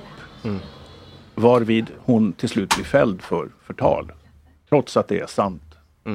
Just Eh, det, just det. Det är ganska mycket skriverier om. Ja. Och det, och det är just det där, det där med, med, med, med, sanningen att, att, att det är egentligen inte det som är det helt avgörande utan det är just finns det ett allmänintresse för, för, för att liksom sprida de här uppgifterna. Och då tittar man väldigt mycket på vad är det för person. Va? Det är klart att är det någon som är en politiker eller beslutsfattare och så vidare då har du ett mycket större samhälls Mhm. eller ett allmänintresse. Medan här gjorde man då bedömningen att det inte var det. Men, men eh, jag kan förstå lite vad du, vad du menar där. Eh, Jättespännande hörni. Eh, nu är vår magiker här, men jag vet att du måste åka på ett möte. Mm. Och eh, jag vill inte att Petter ska känna sig stressad när han framför sin nya låt, att folk springer ut ur studion. Så jag tänker att vi kanske tar bilden Mm. och sen så de som kan komma tillbaka och njuta av musiken i lugn och ro och inte känna sig stressade får göra det och de som måste gå vidare med sina liv får göra det. Så blir det skön stämning när Petter ska ha världspremiär för sin nya låt. Kommer i natt. Kommer i natt. Som heter Spännande. Sista serenad. Sista serenaden. Jag har faktiskt flyttat fram i mitt möte en timme. Har du för- gjort för det? att få höra den här Nej men vad låten. mysigt. Vad var det för möte? Det var inget viktigt då eller? Jo, då. Okej, och så kommer vi prata lite magi sen här med, med Isidor också som har en, en, en magishow på gång. Det tycker jag känns spännande. Hur tar man magin in i 20-talet? Det känns ju lite det känns ju liksom, alltså trolleri kan ju kännas lite Hamburger Börs i Ola Ber och lite liksom okult. Hur gör man det hippt idag? Mm. Är det mycket stand-up? Är det lite fräcka skämt och så eller? Ja, lite sånt vill jag fråga om. Isidor är ett himla fint namn. Jättefint namn. Det kan kännas lite äh, isländskt kanske, eller får man, får man säga så? Ja, var det rasistiskt också? Kommer, kommer den stämpeln snart? AIKs grundare hette ju Isidor. Förlåt? AIKs grundare hette ju Isidor. Ah, Snark. Oj, nu var det dålig stämning. Eh, mår du dåligt för att AIK går dåligt? Alltså nu, nu går det ju AIK bättre. Ja, de brukar Men, komma eh, på det har- hösten, Det har varit ett liksom. jobbigt år. Ja, det har det varit. Hörrni, om en liten, liten stund då så är vi helt enkelt tillbaka och ehm, kommer få livemusik av vår alldeles, alldeles egna Petter Ströbeck som Mm. har en framgångsrik musikkarriär på gång. Och det är inte jag som säger det. Och det är inte han som säger det. AIK går fortfarande sämst i Stockholm. Just idag är jag stark, just idag mår jag bra. Jag förs framåt av kraftiga vindar. Okej Petter, take it away. Ja, det här är en låt jag skrivit med eh, en tjej som heter Fanny Lindstedt Gran. Jag ville bara att hon skulle få en shootout också. Eftersom att annars hade hon blivit sur. Då kör vi. Ja, jag har mått sämst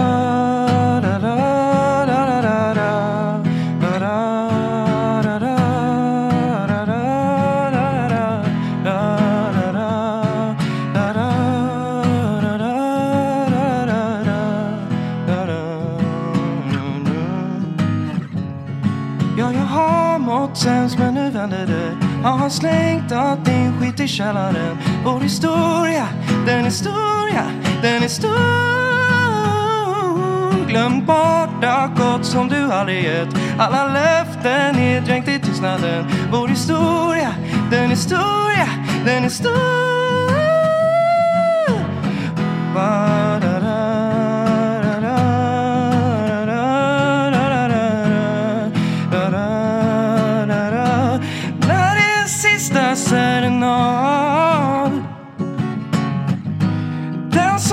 Aldrig någonsin gav. Oh. Alla stammisar undrar vart jag var Men har hört att du var på våran bar. Vår historia, den historia, den är stor Jag ska klippa upp en bild av oss och sen kasta upp den på din balkong. Vår historia, den är stor, den är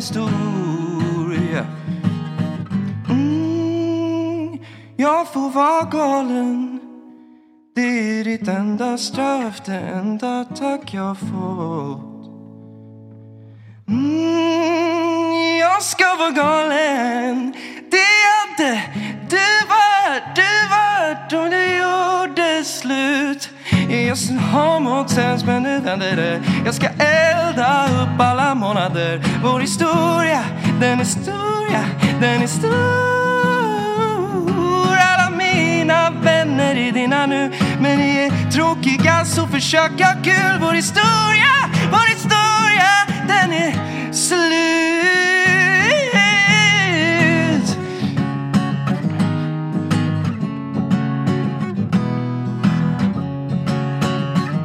Nu har du fått din serenad.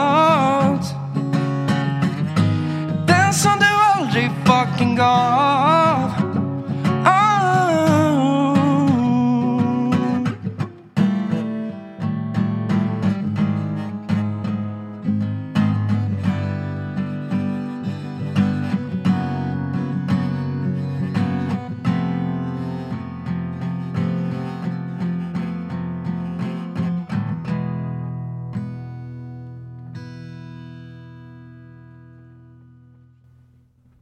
Ja, men applåd! Jag trodde en tystnaden man... eh, När man har... eh, När man har trollbundet ett rum sådär så kan man ju ibland bli lite osäker som eh, publik. Är det Mm. slut? Ska man applådera eller kommer det komma någonting mer? Man inte riktigt vet, men otroligt fint. Ja, det var slut. Men, uh, ah, s- s- s- Den kommer i natt, Mm. 00.00. Man Mm. brukar jobba så. Kommer du få, eh, kommer, kommer Fanny få eh, som stim eh, ro- Jo, jo, jo, jag sk- skrev till henne typ varje dag. Gå med i STIM, gå med i STIM. Hon har ju ADHD som glömde ju det varje dag. Sen, behövde jag liksom tvinga henne. Men hon får lite pengar. Så skönt. Jättebra, Petter. Jättefin. Eh, och gå förbi Medis imorgon kanske. Kanske ni ser någonting. På en, en billboard eller något. Wow. Oj. Spännande. Ja, nu, nu, nu händer det grejer. Ja. Jag tänkte att det kanske var någon sån klimatdemonstration eller så. Jaha, som, du ville, som du ville uppa, men eh, Jaha. så var inte fallet. Eh, Ska vi, eh, ska vi ta upp Isodor och prata lite um, hur kan man göra trolleri modernt, hippt, coolt? Denna? denna uråldriga konstform som känns utskrattad utplånad, förlöjligad och eh, ja, men genom tiderna har det alltid varit lite liksom, eller så här, trollkarlar har ju gått upp och ner i status får man väl ändå säga. Alltså Harry Houdini, svincool. Mm. John Howdy. John Howdy, kingen. Alltså som han liksom fick de här damerna på Viking liksom line-färjorna i baren liksom när askan var under handen och så åkte jag, oj, de liksom blötte igenom mameluckerna. Och sen så kom Joe Labero och blev lite mer rockstar och det var den här horkanoten som han kallade sin vita limousin då. Som, som han färdades med till, till och från Hamburger Börs då. Och sen så blev det lite mer street och David Blaine och eh, kanske Eh, lite så mental, eh, vad hette han då? Ian Brown, nej vad hette han Ja, på just det, han. Kanal 5 som var så himla duktig tankeläsare? Ja, Darren. Darren Brown, otrolig med sitt spike-hår, sin Ja. lilla korta rock. Eh, och, och idag undrar jag liksom, hur mår svensk magisk cirkel? Men är det så att du är gammal medlem? Nej, jag vågade aldrig Men ta det- steget. det- men, jo, det eh, märkte man ju nu. Ja verkligen, du har ju stenkoll på hela antologin liksom. Från 90, 80, 90, eller från 1920-tal och framåt. Ja. Det är inga lekmansgissningar direkt. Nej, och så har vi Penn Teller och de här... eh, Chris Angel, Copperfield. Ja, Ja. Copperfield. Och så har vi de här bögarna med eh, lejonen som båda fick, Siegfried Roy. båda Ah. fick hiv, eller blev båda mördade av lejon? Hur var Det, det? det är det man inte Eller Den ena blev kanske... Eh, Den ena blev eh, attackerad utav en eh, vit tiger och eh, blev eh, så här vanställd så han kunde aldrig gigga igen. Men eh, han levde fram tills typ för tre år sedan och sen typ bara något år senare Just så dog den det. andra också. Ja, de, det är starkt när folk dör sådär tätt inpå av sorg typ. Ja men men lite som om eh, Jeppe skulle dö, så skulle jag dö av sorg. Jag tror aldrig att de var Trodde, upprörda. trodde, trodde inte på den när jag sa det. Men, men eh, Isidor Olsbjörk, du är då en ung eh, trollkarl i, i Sverige 2023. Det är spännande tycker jag. Mm. Hur, hur, hur, hur funkar det? Ja men det funkar bra. Det funkar bra. Ja, det gör det. Ja. Eh, konstig fråga, men det funkar bra. Absolut. Jag, eh, jag kan liksom ingenting annat, så jag måste jobba med det här. Mm. Jag håller på med magi och stand-up och har gjort det liksom sen, eh, sen jag började jobba, sen jag skulle hoppa av gymnasiet. Du hoppade jag, av gymnasiet? Ja, precis. Gick du trolleri i gymnasiet? Det fanns inte. Nej. Jag gick det närmsta man kunde gå, vilket var Schillerskas teaterlinje. Så det är ganska, ganska bet egentligen att ha hoppat av en teaterlinje för att man inte orkar plugga. Ja, då är man bra studie- studietrött. Okej, och så började du liksom trolla på heltid då direkt? Eller Ja exakt, exakt. Så nej men det har väl typ, alltså jag, jag vet verkligen ingenting annat och jag vill inte göra någonting annat. Ingen har lyckats få mig att sluta så att jag har bara, jag bara fortsatt. Men trolleri just nu har någon slags revival på eh, TikTok och? Instagram och sådär. Det är skitstort där. Men är det sådana där som går fram och bara på gatan då Mm. och säger typ så, pick a, pick a card, Ja. typ? Ja exakt. Är det, men du, du säger det med förakt verkligen. nej, nej, nej, nej, men jag tycker att det, jag tycker att det till exempel du gör är mycket mer coolare. Än- Okej. Alltså, jag tycker väl det. Uh, nej men ja, det, men det, precis det finns det och sen så finns det också massa folk som avslöjar trolleritrick på TikTok också. Nej, gör de det? Fan alltså. Mm. Men, det, men det där är jag lite kluven till, eller jag tycker egentligen att det är görbra för typ jag började trolla när jag såg ett tv-program som heter Trollkarlens hemligheter som gick hösten 2008 på kanal 5. Just det, och där, men där var det en massa stämningar och sånt för det var en massa trollkarlar som var väldigt upprörda. Ja de försökte Hade de juridisk grund? Ja, kanske. Nej, jag tänkte på det där programmet. Det var ganska tråkigt på det Mm. sättet att man, man avslöjade ju verkligen stora, nästan som affärshemligheter är det ju. Ja, för, det är de, det. Ja, det kan man men säga. De har lagt ner väldigt mycket tid och pengar för att skapa dem. Liksom. Men folk brukar fråga mig ifall vad jag tyckte om det programmet, och, eller så kan det vara så här, bara, ah, det gillar du inte va, det är programmet va, när de avslöjar alla dina hemligheter. Men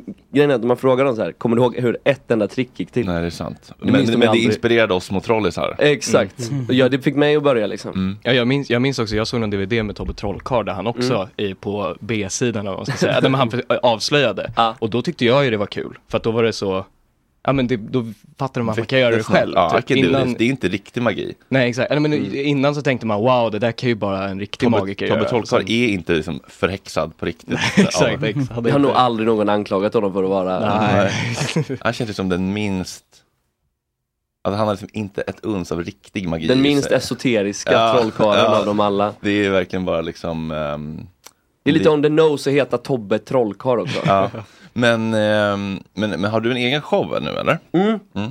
Precis, jag ville ju komma in här för att prata för att sälja biljetter egentligen men Ja. nu är den slutsåld så det var ju jätteskönt. Um, Grattis, var är det någonstans? Tack. Jag kommer vara på en jätteliten musikteater som heter Polisteatern på Kungsholmen. Polisteatern? Ja, blir of- ofta ihopblandad med Pistolteatern som fanns innan som idag heter Uppe vid Giljotin. polishuset där eller? Ja men precis, det ligger i, ehm, i anslutning till Rådhusbaren. Så har de öppnat bara för något år sedan en jätteliten mysig scen som är perfekt för close-up trolleri. Mm. Så eh, jag, det kommer bli en väldigt här intim show utan mick. Som, Är det eh, svårare att trolla när, när, när publiken är så nära? Nej. Nej jag tycker det är lättare. Det är lättare? Ja. jag Har du något sånt, vad vad är ditt, favorit, eh, ditt favoritnummer? Mm, just nu håller jag på att jobba på, det är typ det numret, det är ofta det färskaste, liksom det senaste man jobbar på. Just nu håller jag på att jobba på ett nummer med eh, en citron. En citron? Ja. Som försvinner? Ja, trollas fram i alla fall. Trollas fram? Ja. Ur? Eh, näsan. Faktiskt. Ja. Så det håller jag på med nu. Ehm, sen så gjorde jag, jag var, jag var med i Cyklopernas land här veckan och då gjorde jag ett nummer med rakblad. som jag, när jag käkade rakblad. Och det var kul. Det är så klassiskt fakirnummer liksom. Mm. Som jag eh, gjorde någon slags eh, setup med att jag, jag skulle imponera på Tone Schunnesson som att vi var på dejt och så käkade jag Mm. rakblad med henne. Det var, det var skitkul att få göra den grejen liksom. Hon känns svårimpad. Eh, ja, hon var jättesnäll. Men jag var verkligen lite orolig först. Jag sa det, för Hon har, hon har lite sa här bara... resting bitch face, impress me. Exakt, exakt. Eller typ att hon skulle bli eh, lite hysterisk och att jag liksom skulle, ja men du vet. Mm. Så, men hon var skitfin, jättelugn. Jag vet inte om producenten hade sagt innan att nu får du fan lugna ner dig. Men, eh, men det funkade bra. Vad känner folk för korttrick nu för tiden? Um, alltså inte trick. Nej. Kort magi. Nej men det är väl, alltså det, det, det finns ju så, det är som att fråga vad tycker folk om gitarrmusik liksom. Mm. Det ja, kan men det är vara... också lite, det är såhär, Wonderwall-grejen är död liksom. Det Ja, men du tänker så, men, ja, men kan, du bli, kan du bli provocerad på folk som gör alltså, Som gör korttrick? Nej men försöker göra korttrick för dig korttrick. kanske? Ja absolut, det finns Eller ett förlåt, korttrick ja. som alla alltid vill göra som är med tre högar. Det här Ja. som alla lärde sig på fritidsgården när de var små Mm. liksom. Eh, och, och, det, och det är världens längsta trick, alltså, det är tusen år att göra. Man ska lägga ut tre högar, och så, så här, ligger det i den högen? Nej. Och så ihop och så, nej. Mm. Men det är det här kortet bara, ja. Det är världens tråkigaste trick liksom. Dålig och jag hatar att folk ska visa det för mig. Ja, Ja, ja, det är ju lite konstigt. Det är som att börja säga, eh, kolla Petter, så börjar man waila för Petter. Nej men exakt. exakt. Eller bara, kolla min, intervju, kolla min intervjupodd här Martin Wiklin. Eller kolla En min, timme, en kolla min jaktlabrador. Ja. Kolla bra play jag har på honom. Rickard Valentin. Vi har, vi har en fråga där. Eh, Ja. Hur ofta är det när du är ute på och har dina shower att, ehm, att, man liksom, att folk i publiken försöker liksom avslöja dig? Och Nej, men det är hela tiden, det är en del utav uh, tjusningen. Killar. För, absolut. Mest alfahanar liksom. Man Ja. brukar säga att i varje grupp så finns det en alfahane som man gärna ska som artist då antingen försöka bli polare med Mm. eller verbalt skjuta ner så att han är tyst. För då får man liksom resten utav gruppens eh, respekt. Man Myntet ligger i handen, myntet ligger i handen. Ja, han, han har inte örat, det kommer inte ut ur örat. Ja, men precis. Men du stör inte på det utan du, liksom, du vet att det, det är en del av, av showen. Det ja, det kommer är en del av alltid finnas grejen. någon sån kille. Men som, jag kommer ju upp liksom och säger nu ska jag fucking lura er. Ja. Och då så är det ju klart att ens första instinkt är nej det ska du inte. Och så kollar man. En del tycker bara att det är kul, vissa blir jättearga. Mm. Inom vissa kulturer så är det, är det ju typ en kränkning att bli lurad också. Men den värsta reaktionen jag vet det är när folk säger Jag vet hur du gjorde. Och så bara okej hur, hur gjorde jag då? Nej jag vill inte säga. alltså det är så Det är jävla gulligt, störigt. Det är ändå gulligt. Ja det är gulligt på något sätt Du men eh, riktigt det stör mig. Men det är, jag tror återigen killar som inte kan stå i känslan skam. Absolut. Att då går man till ilska. Ja, Tusen procent. Men eh, vad tycker du, för du kör ju stand-up Återigen också. killar som inte kan hantera känslor. Dagens tema. Ja. Men du kör ju stand-up också. Vad tycker Ja. du, vilken är bäst publik? När man ska köra stand-up? Ja, eller vilken är bäst mag magi-publiken? Kör du eller renodlat standup också, helt utan trick? Jag har gjort det, men Ja. nu, nu gör jag det väldigt sällan. När jag uppträder på standupklubbar då gör jag kanske så här två trick och sen resten standup. Magic comedy, Ja. som John Howdy kallar det. Som John Howdy har brandat det, Mhm. precis. Eh, nej men jag, jag, kom, liksom, jag tycker om, jag älskar att skriva standup, jag tycker det är skitkul. Men jag vill inte bli standup-komiker bara, jag vill inte göra liksom, en timme bara standup. Uh, Mm. Det är liksom aldrig varit ett mål för mig. Utan jag började med standup för att stå med på scen bara. Mm. Och bli roligare. Och, så det är, och sen så älskar jag den konstformen liksom. Men eh, så när jag trollar på standupklubbar då gör jag egentligen bara två trick och resten standup. Men jag kallar mig inte för bara liksom, renodlad standup-komiker. Eh, det är inte så viktigt för mig. Men fan jag vill veta mer om när du trollade. Eh, ja, men jag tycker... Ålder? Ehm, ehm, Du gjorde väl det när du var ganska, jag har ju läst din bok. Mm. Och där pratar du om det lite Mm, kort. precis, vet du vad? Läs min bok. Läs min bok. Men, det. eh, men det var Eh, väl när du var liten? Ja, men jag trollade, jag trollade bara för en person och det var min mormor. Mm. Eh, Så det var kul. Här har jag en 20-lapp mormor, vill du ha en, en hunding istället? Men hon var, hon var, ja. hon var ingen bra publik. Jo hon var det, men eh, jo hon var bra. Men eh, det var intressant att hon var liksom den enda riktigt trygga personen jag vågade vara så sårbar för. Det är sårbart Mm. att trolla, Mm. tyckte jag då i alla fall. Absolut. Eh, för det är någonting med att, ja men det är en rädsla för att göra bort sig ifall det skiter sig. Den, Mm. den skammen var jag för rädd för, så jag tog det aldrig ut på de stora scenerna. Vad är största risken ur, ur den aspekten? Att ställa sig på scen och, och göra magi. Vad är, vad är du mest rädd för att du skulle kunna misslyckas med? Ja, men ofta så kan man ju, om någonting skulle gå fel så kan man rädda upp det. Och Alltså det, det viktigaste är väl egentligen, i och med att den känslan som du utstrålar kommer publiken, kommer speglas hos publiken. Så att om du blir nervös kommer publiken bli jätteobekväm och nervös. Och det är samma sak på stand-up också, när någon går upp och ska göra sin första gig och skakar och, och det liksom bombar. Om man bara vrider på sig liksom. Men om man har, om man, så länge man är självsäker i det. Den största skräcken skulle väl egentligen vara ifall jag misslyckas med varenda trick. Om jag ska göra en timme nu på Polisteatern liksom. Så, Men då eh, skulle man nästan tro att det var en grej. En del, ja. Ja precis, en så här, vad heter han, Meta. eh, Andy Kaufman eh, grej. Ja, Ehm, det hade varit jätteroligt i och för sig att göra det. Mm. Tommy Cooper gjorde ju typ det. Mm. Ni vet den gamla brittiska trollkarlen med fesen. Mm. Han gjorde ju typ trolleri som bara gick åt helvete hela tiden. Mm. Typ, om, man hade, om man trollade med ringar så liksom Mm. visade han att det var hål i ringen och sådär. Liksom. Ja. Ja. Ja, det kan ju bli humor. Det är Var det- kul var det han som dog live? På scen, ja. Gjorde han det? Ja. Hans hjärta stannar på scen och eh, publiken bara garvar Nej. och assistenterna tror att han improviserar. Så det finns på youtube när han bara ligger Skämtar och du? nej, han tar sitt sista andetag inför en Ja, garvande han, publik. dog, han vaknade Oj, inte. vad starkt. Det är superstarkt, vackraste Ja, sättet att dö på om du frågar mig. Om man är komiker ja. Ja. Eller Mm. Verkligen. folk skrattar. Men det är som så här, om, så här, om eh, Little Steven spelar liksom fel ackord och så Bruce bara garvar. Mm. Då, då, då tycker man bara att det är underbart liksom. Mm. Men om de skulle vara så här, oh my god I'm so sorry guys, då, då blir man ju, då, då blir det jättedålig Ja. stämning. Exakt. Så det är bara go, flow with the go, eller hur? Go with the flow, ja precis. Ja, ja men också flow with the go. Oh, makes you think. Right. Men Vi pratade om mitt första stand-up-gig nu, eh, liksom i öppningsmonologen till föreställningen så pratade jag om första gången jag stod på scen och det var så här Tynneredsdagen 2009, liksom folkfest i förorten.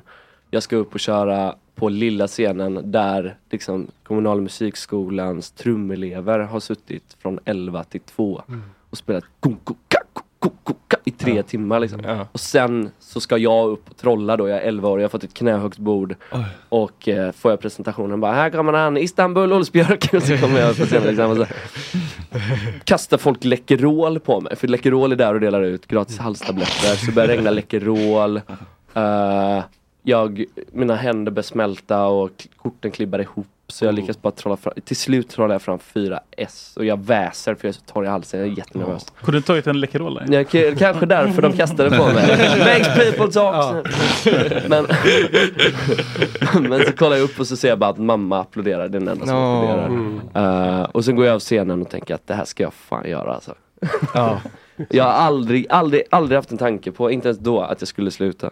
Nej. Utan jag visste bara, jag, tror- jag stod på scenen igen typ två veckor senare och tog revansch. Mm. Jag kan inte sluta, det är en, Ja. en kronisk sjukdom på något sätt. Men hur många, hur många gånger kör du på Polisteatern? Nu är det bara två datum Ja. denna hösten. Men det blir lite som ett första utkast. Sen i vår så kommer jag köra igen. Ja. Så att och ifall, nu är det ju slutsålt så att man, nu missar ni kanske det här då om ni inte köpt biljetter, ni som lyssnar. Men eh, i vår så kör jag igen.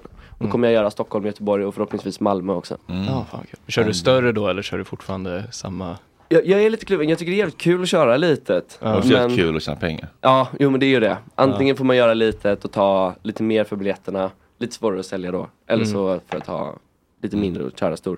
Så jag vet inte, kanske att det blir på Giljotin, kanske att det blir på Folkteatern i Göteborg. Vi får se. Vad känner Ja. du Rickard, du som är en, en man i dina bästa år, skulle du kunna säga Ja men fan, eh, du är gift va? Ja. ja ska, eh, vad heter hon? Åsa. Åsa, Åsa ska vi gå på, är det, är det en trollerikväll ikväll? Ska vi, ska vi, om att jag Ja. bokar eh, Isidor på, på Polisteatern? Så Ja, lite, alltså, lite middag och lite magi. Ja. Skulle det kunna hända? Skulle kunna hända faktiskt. Och, Mm. eh, nej, men jag, jag, jag, jag tror stor respekt för, för trollkarlar och just när man försöker utveckla på olika sätt sådär. Va? Och, och, eh, jag tror Pistolteatern, den, den lit, eller, eller den här Polisteatern, eh, vi har ju varit på den här Rådhusbaren så det är väl den Ja. som ligger precis bredvid där. Va? Precis. Så jag kunde kunna tänka mig att jag och Åsa börjar med ett par glas vin. Lite, Mm. Var går ni då någonstans? Nej, men vi börjar då på Rådhusbaren som ligger bredvid. Ja. Och sen så går vi över och så ser vi på dig Mm. på, på en spännande bra show. Mm. Helt klart. Nej men det är ett bra, det är ett bra upplägg. Tanken är att det är exakt så upplägget ska vara för de som kommer. Mm. Det är, det är super, supernice att man liksom bara kan ta sitt glas, springa över, kolla på show. Jag kör liksom bara en timme, ingen paus då och sen är det färdigt så går vi tillbaka och dricker vin på Rådhusbaren. Ja. Mm. Nej, men så tycker jag också just det där att jag stör mig väldigt mycket på den här alfahanen som ska försöka avslöja allting. Mm. Man kan inte bara liksom luta sig tillbaka och se en bra show. Det är så liksom. otroligt konstigt Ja. att betala entré för att gå och Ja, se och sen in, Triggad.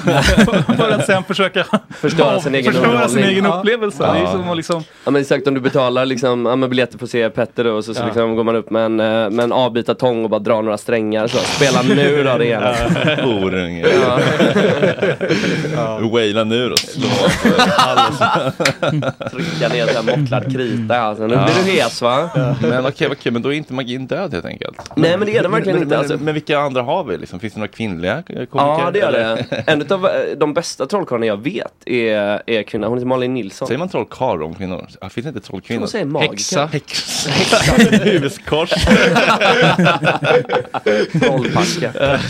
Nej men jag tror hon säger magiker eller konstnär, Maginna. konstnärinna. Jag, jag vet faktiskt inte. Nej. Men hon är Men- grym i alla fall. Ja, det är så jag, henne kan jag rekommendera Det absolut. ska väl vara häxa? jo men...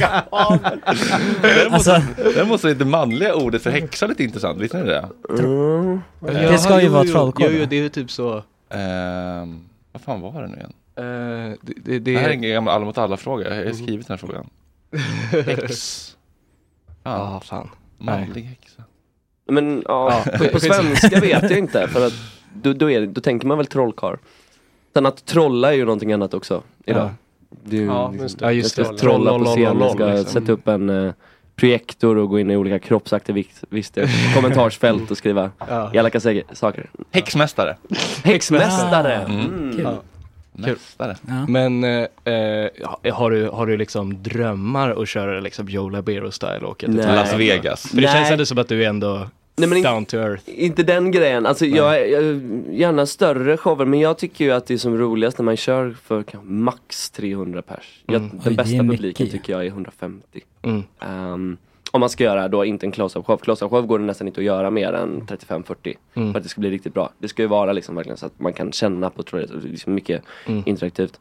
Nej men så Joe Labero-grejen attraherar mig inte särskilt mycket, alltså att göra stora scenshower eller så. Sen så har, ska jag säga så att jag har jättestor respekt för Joe Labero för Mm. hans, eh, hans grej som han har gjort genom åren. Alltså han har ju levt i karaktär som världsberömd trollkarl Mm. i 30 år och lurat hela svenska folket Och sig att han själv. det. Och sig själv. Och sig själv, absolut! Absolut. känner jag mig lurad. Är han inte i Los, Las Vegas och Det är det som är så fint international, liksom. Han, första gången han var i Las Vegas var typ för fem år sedan. Och det gick inget bra. Tyvärr. Det gick inte bra. Man hade ändå en show på Las Vegas. Han hade en show i Las Vegas, men det har ju liksom folk redan trott att han har haft i 25 år Ja, innan han har byggt, han har liksom verkligen byggt myten innan den var sann. Ja. Eh, Exakt. Men så det- jag tycker ja. det är coolt att han liksom går back i Vegas för att sälja mer i Halmstad. Ja. Det är rätt ja, ball. det är ändå någon slags varumärkebyggande. Ja. Mm. Har det på det, liksom. men du har inga planer på att liksom köra the final countdown och så kommer det rök ut och så Kanske, det... kommer- kanske, just det kanske jag vill göra nu bara för Ja, lätt. lite lättklädda dansare. Ja, exakt. Liksom. Ja, det var på också den här roligt. nya domen i... eh, Swear, s- swear, swear. swear, swear. Svårt ord på engelska, säg svär på engelska. Swear. Ja, Okej. Eh, liksom- Swear. Ja. jag ska jätta här nu för att känna mig usel. Så weird. Nu kan man se med det här programmet Trollkarlens hemligheter, på tal om lättklädda assistenter, att det var, han hade ju fyra lättklädda assistenter. Ja, det hade han. och, och alla trick som, när man fick se hur de, hur de gick till, så var det ju mest att det är de som gör det. Ja.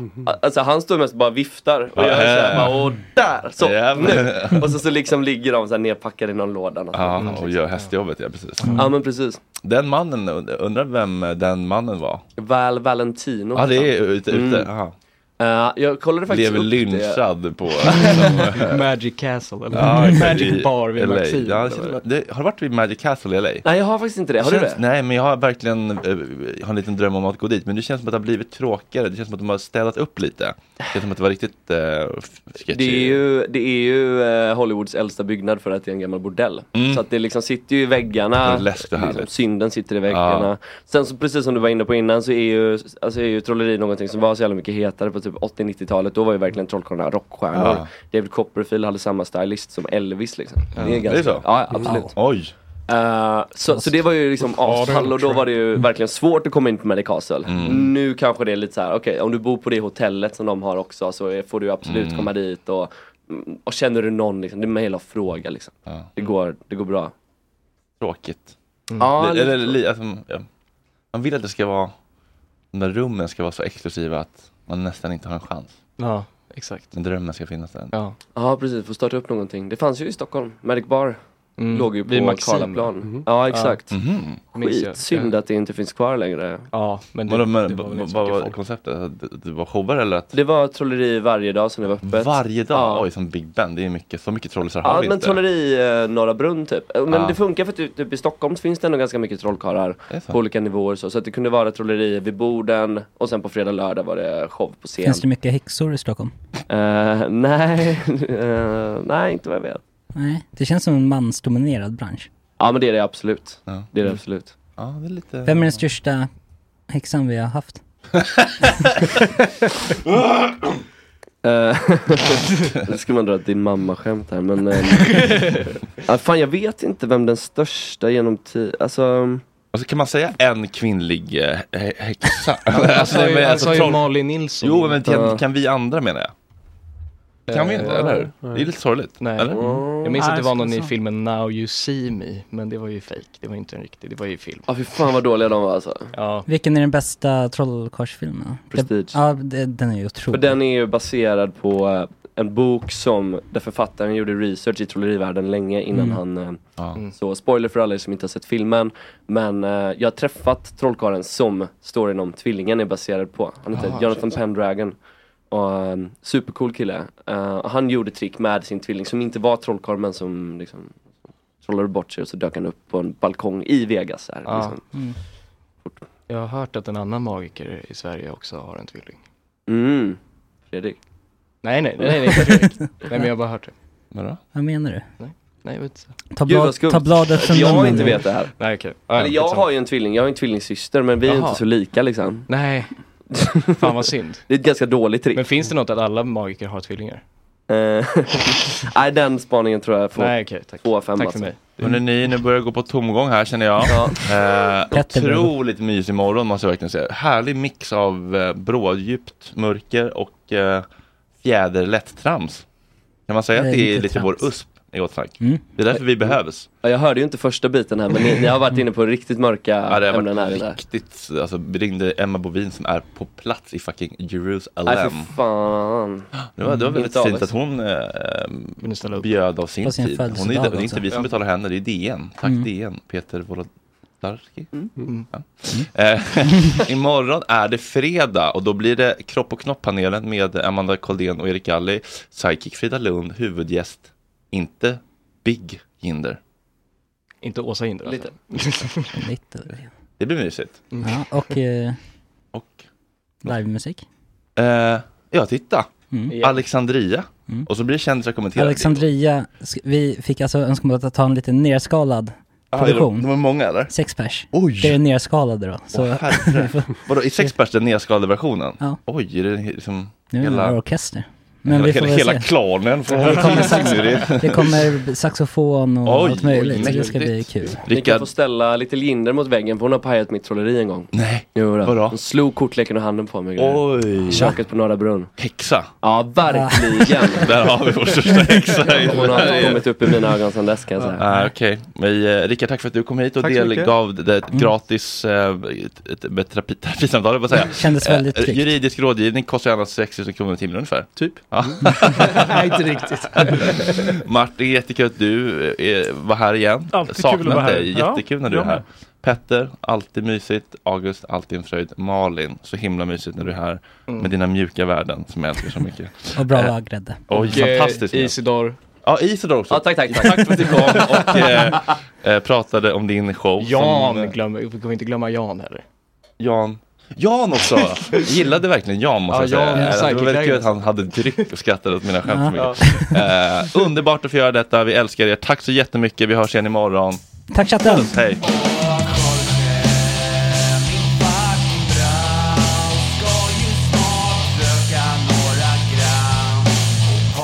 Lite tram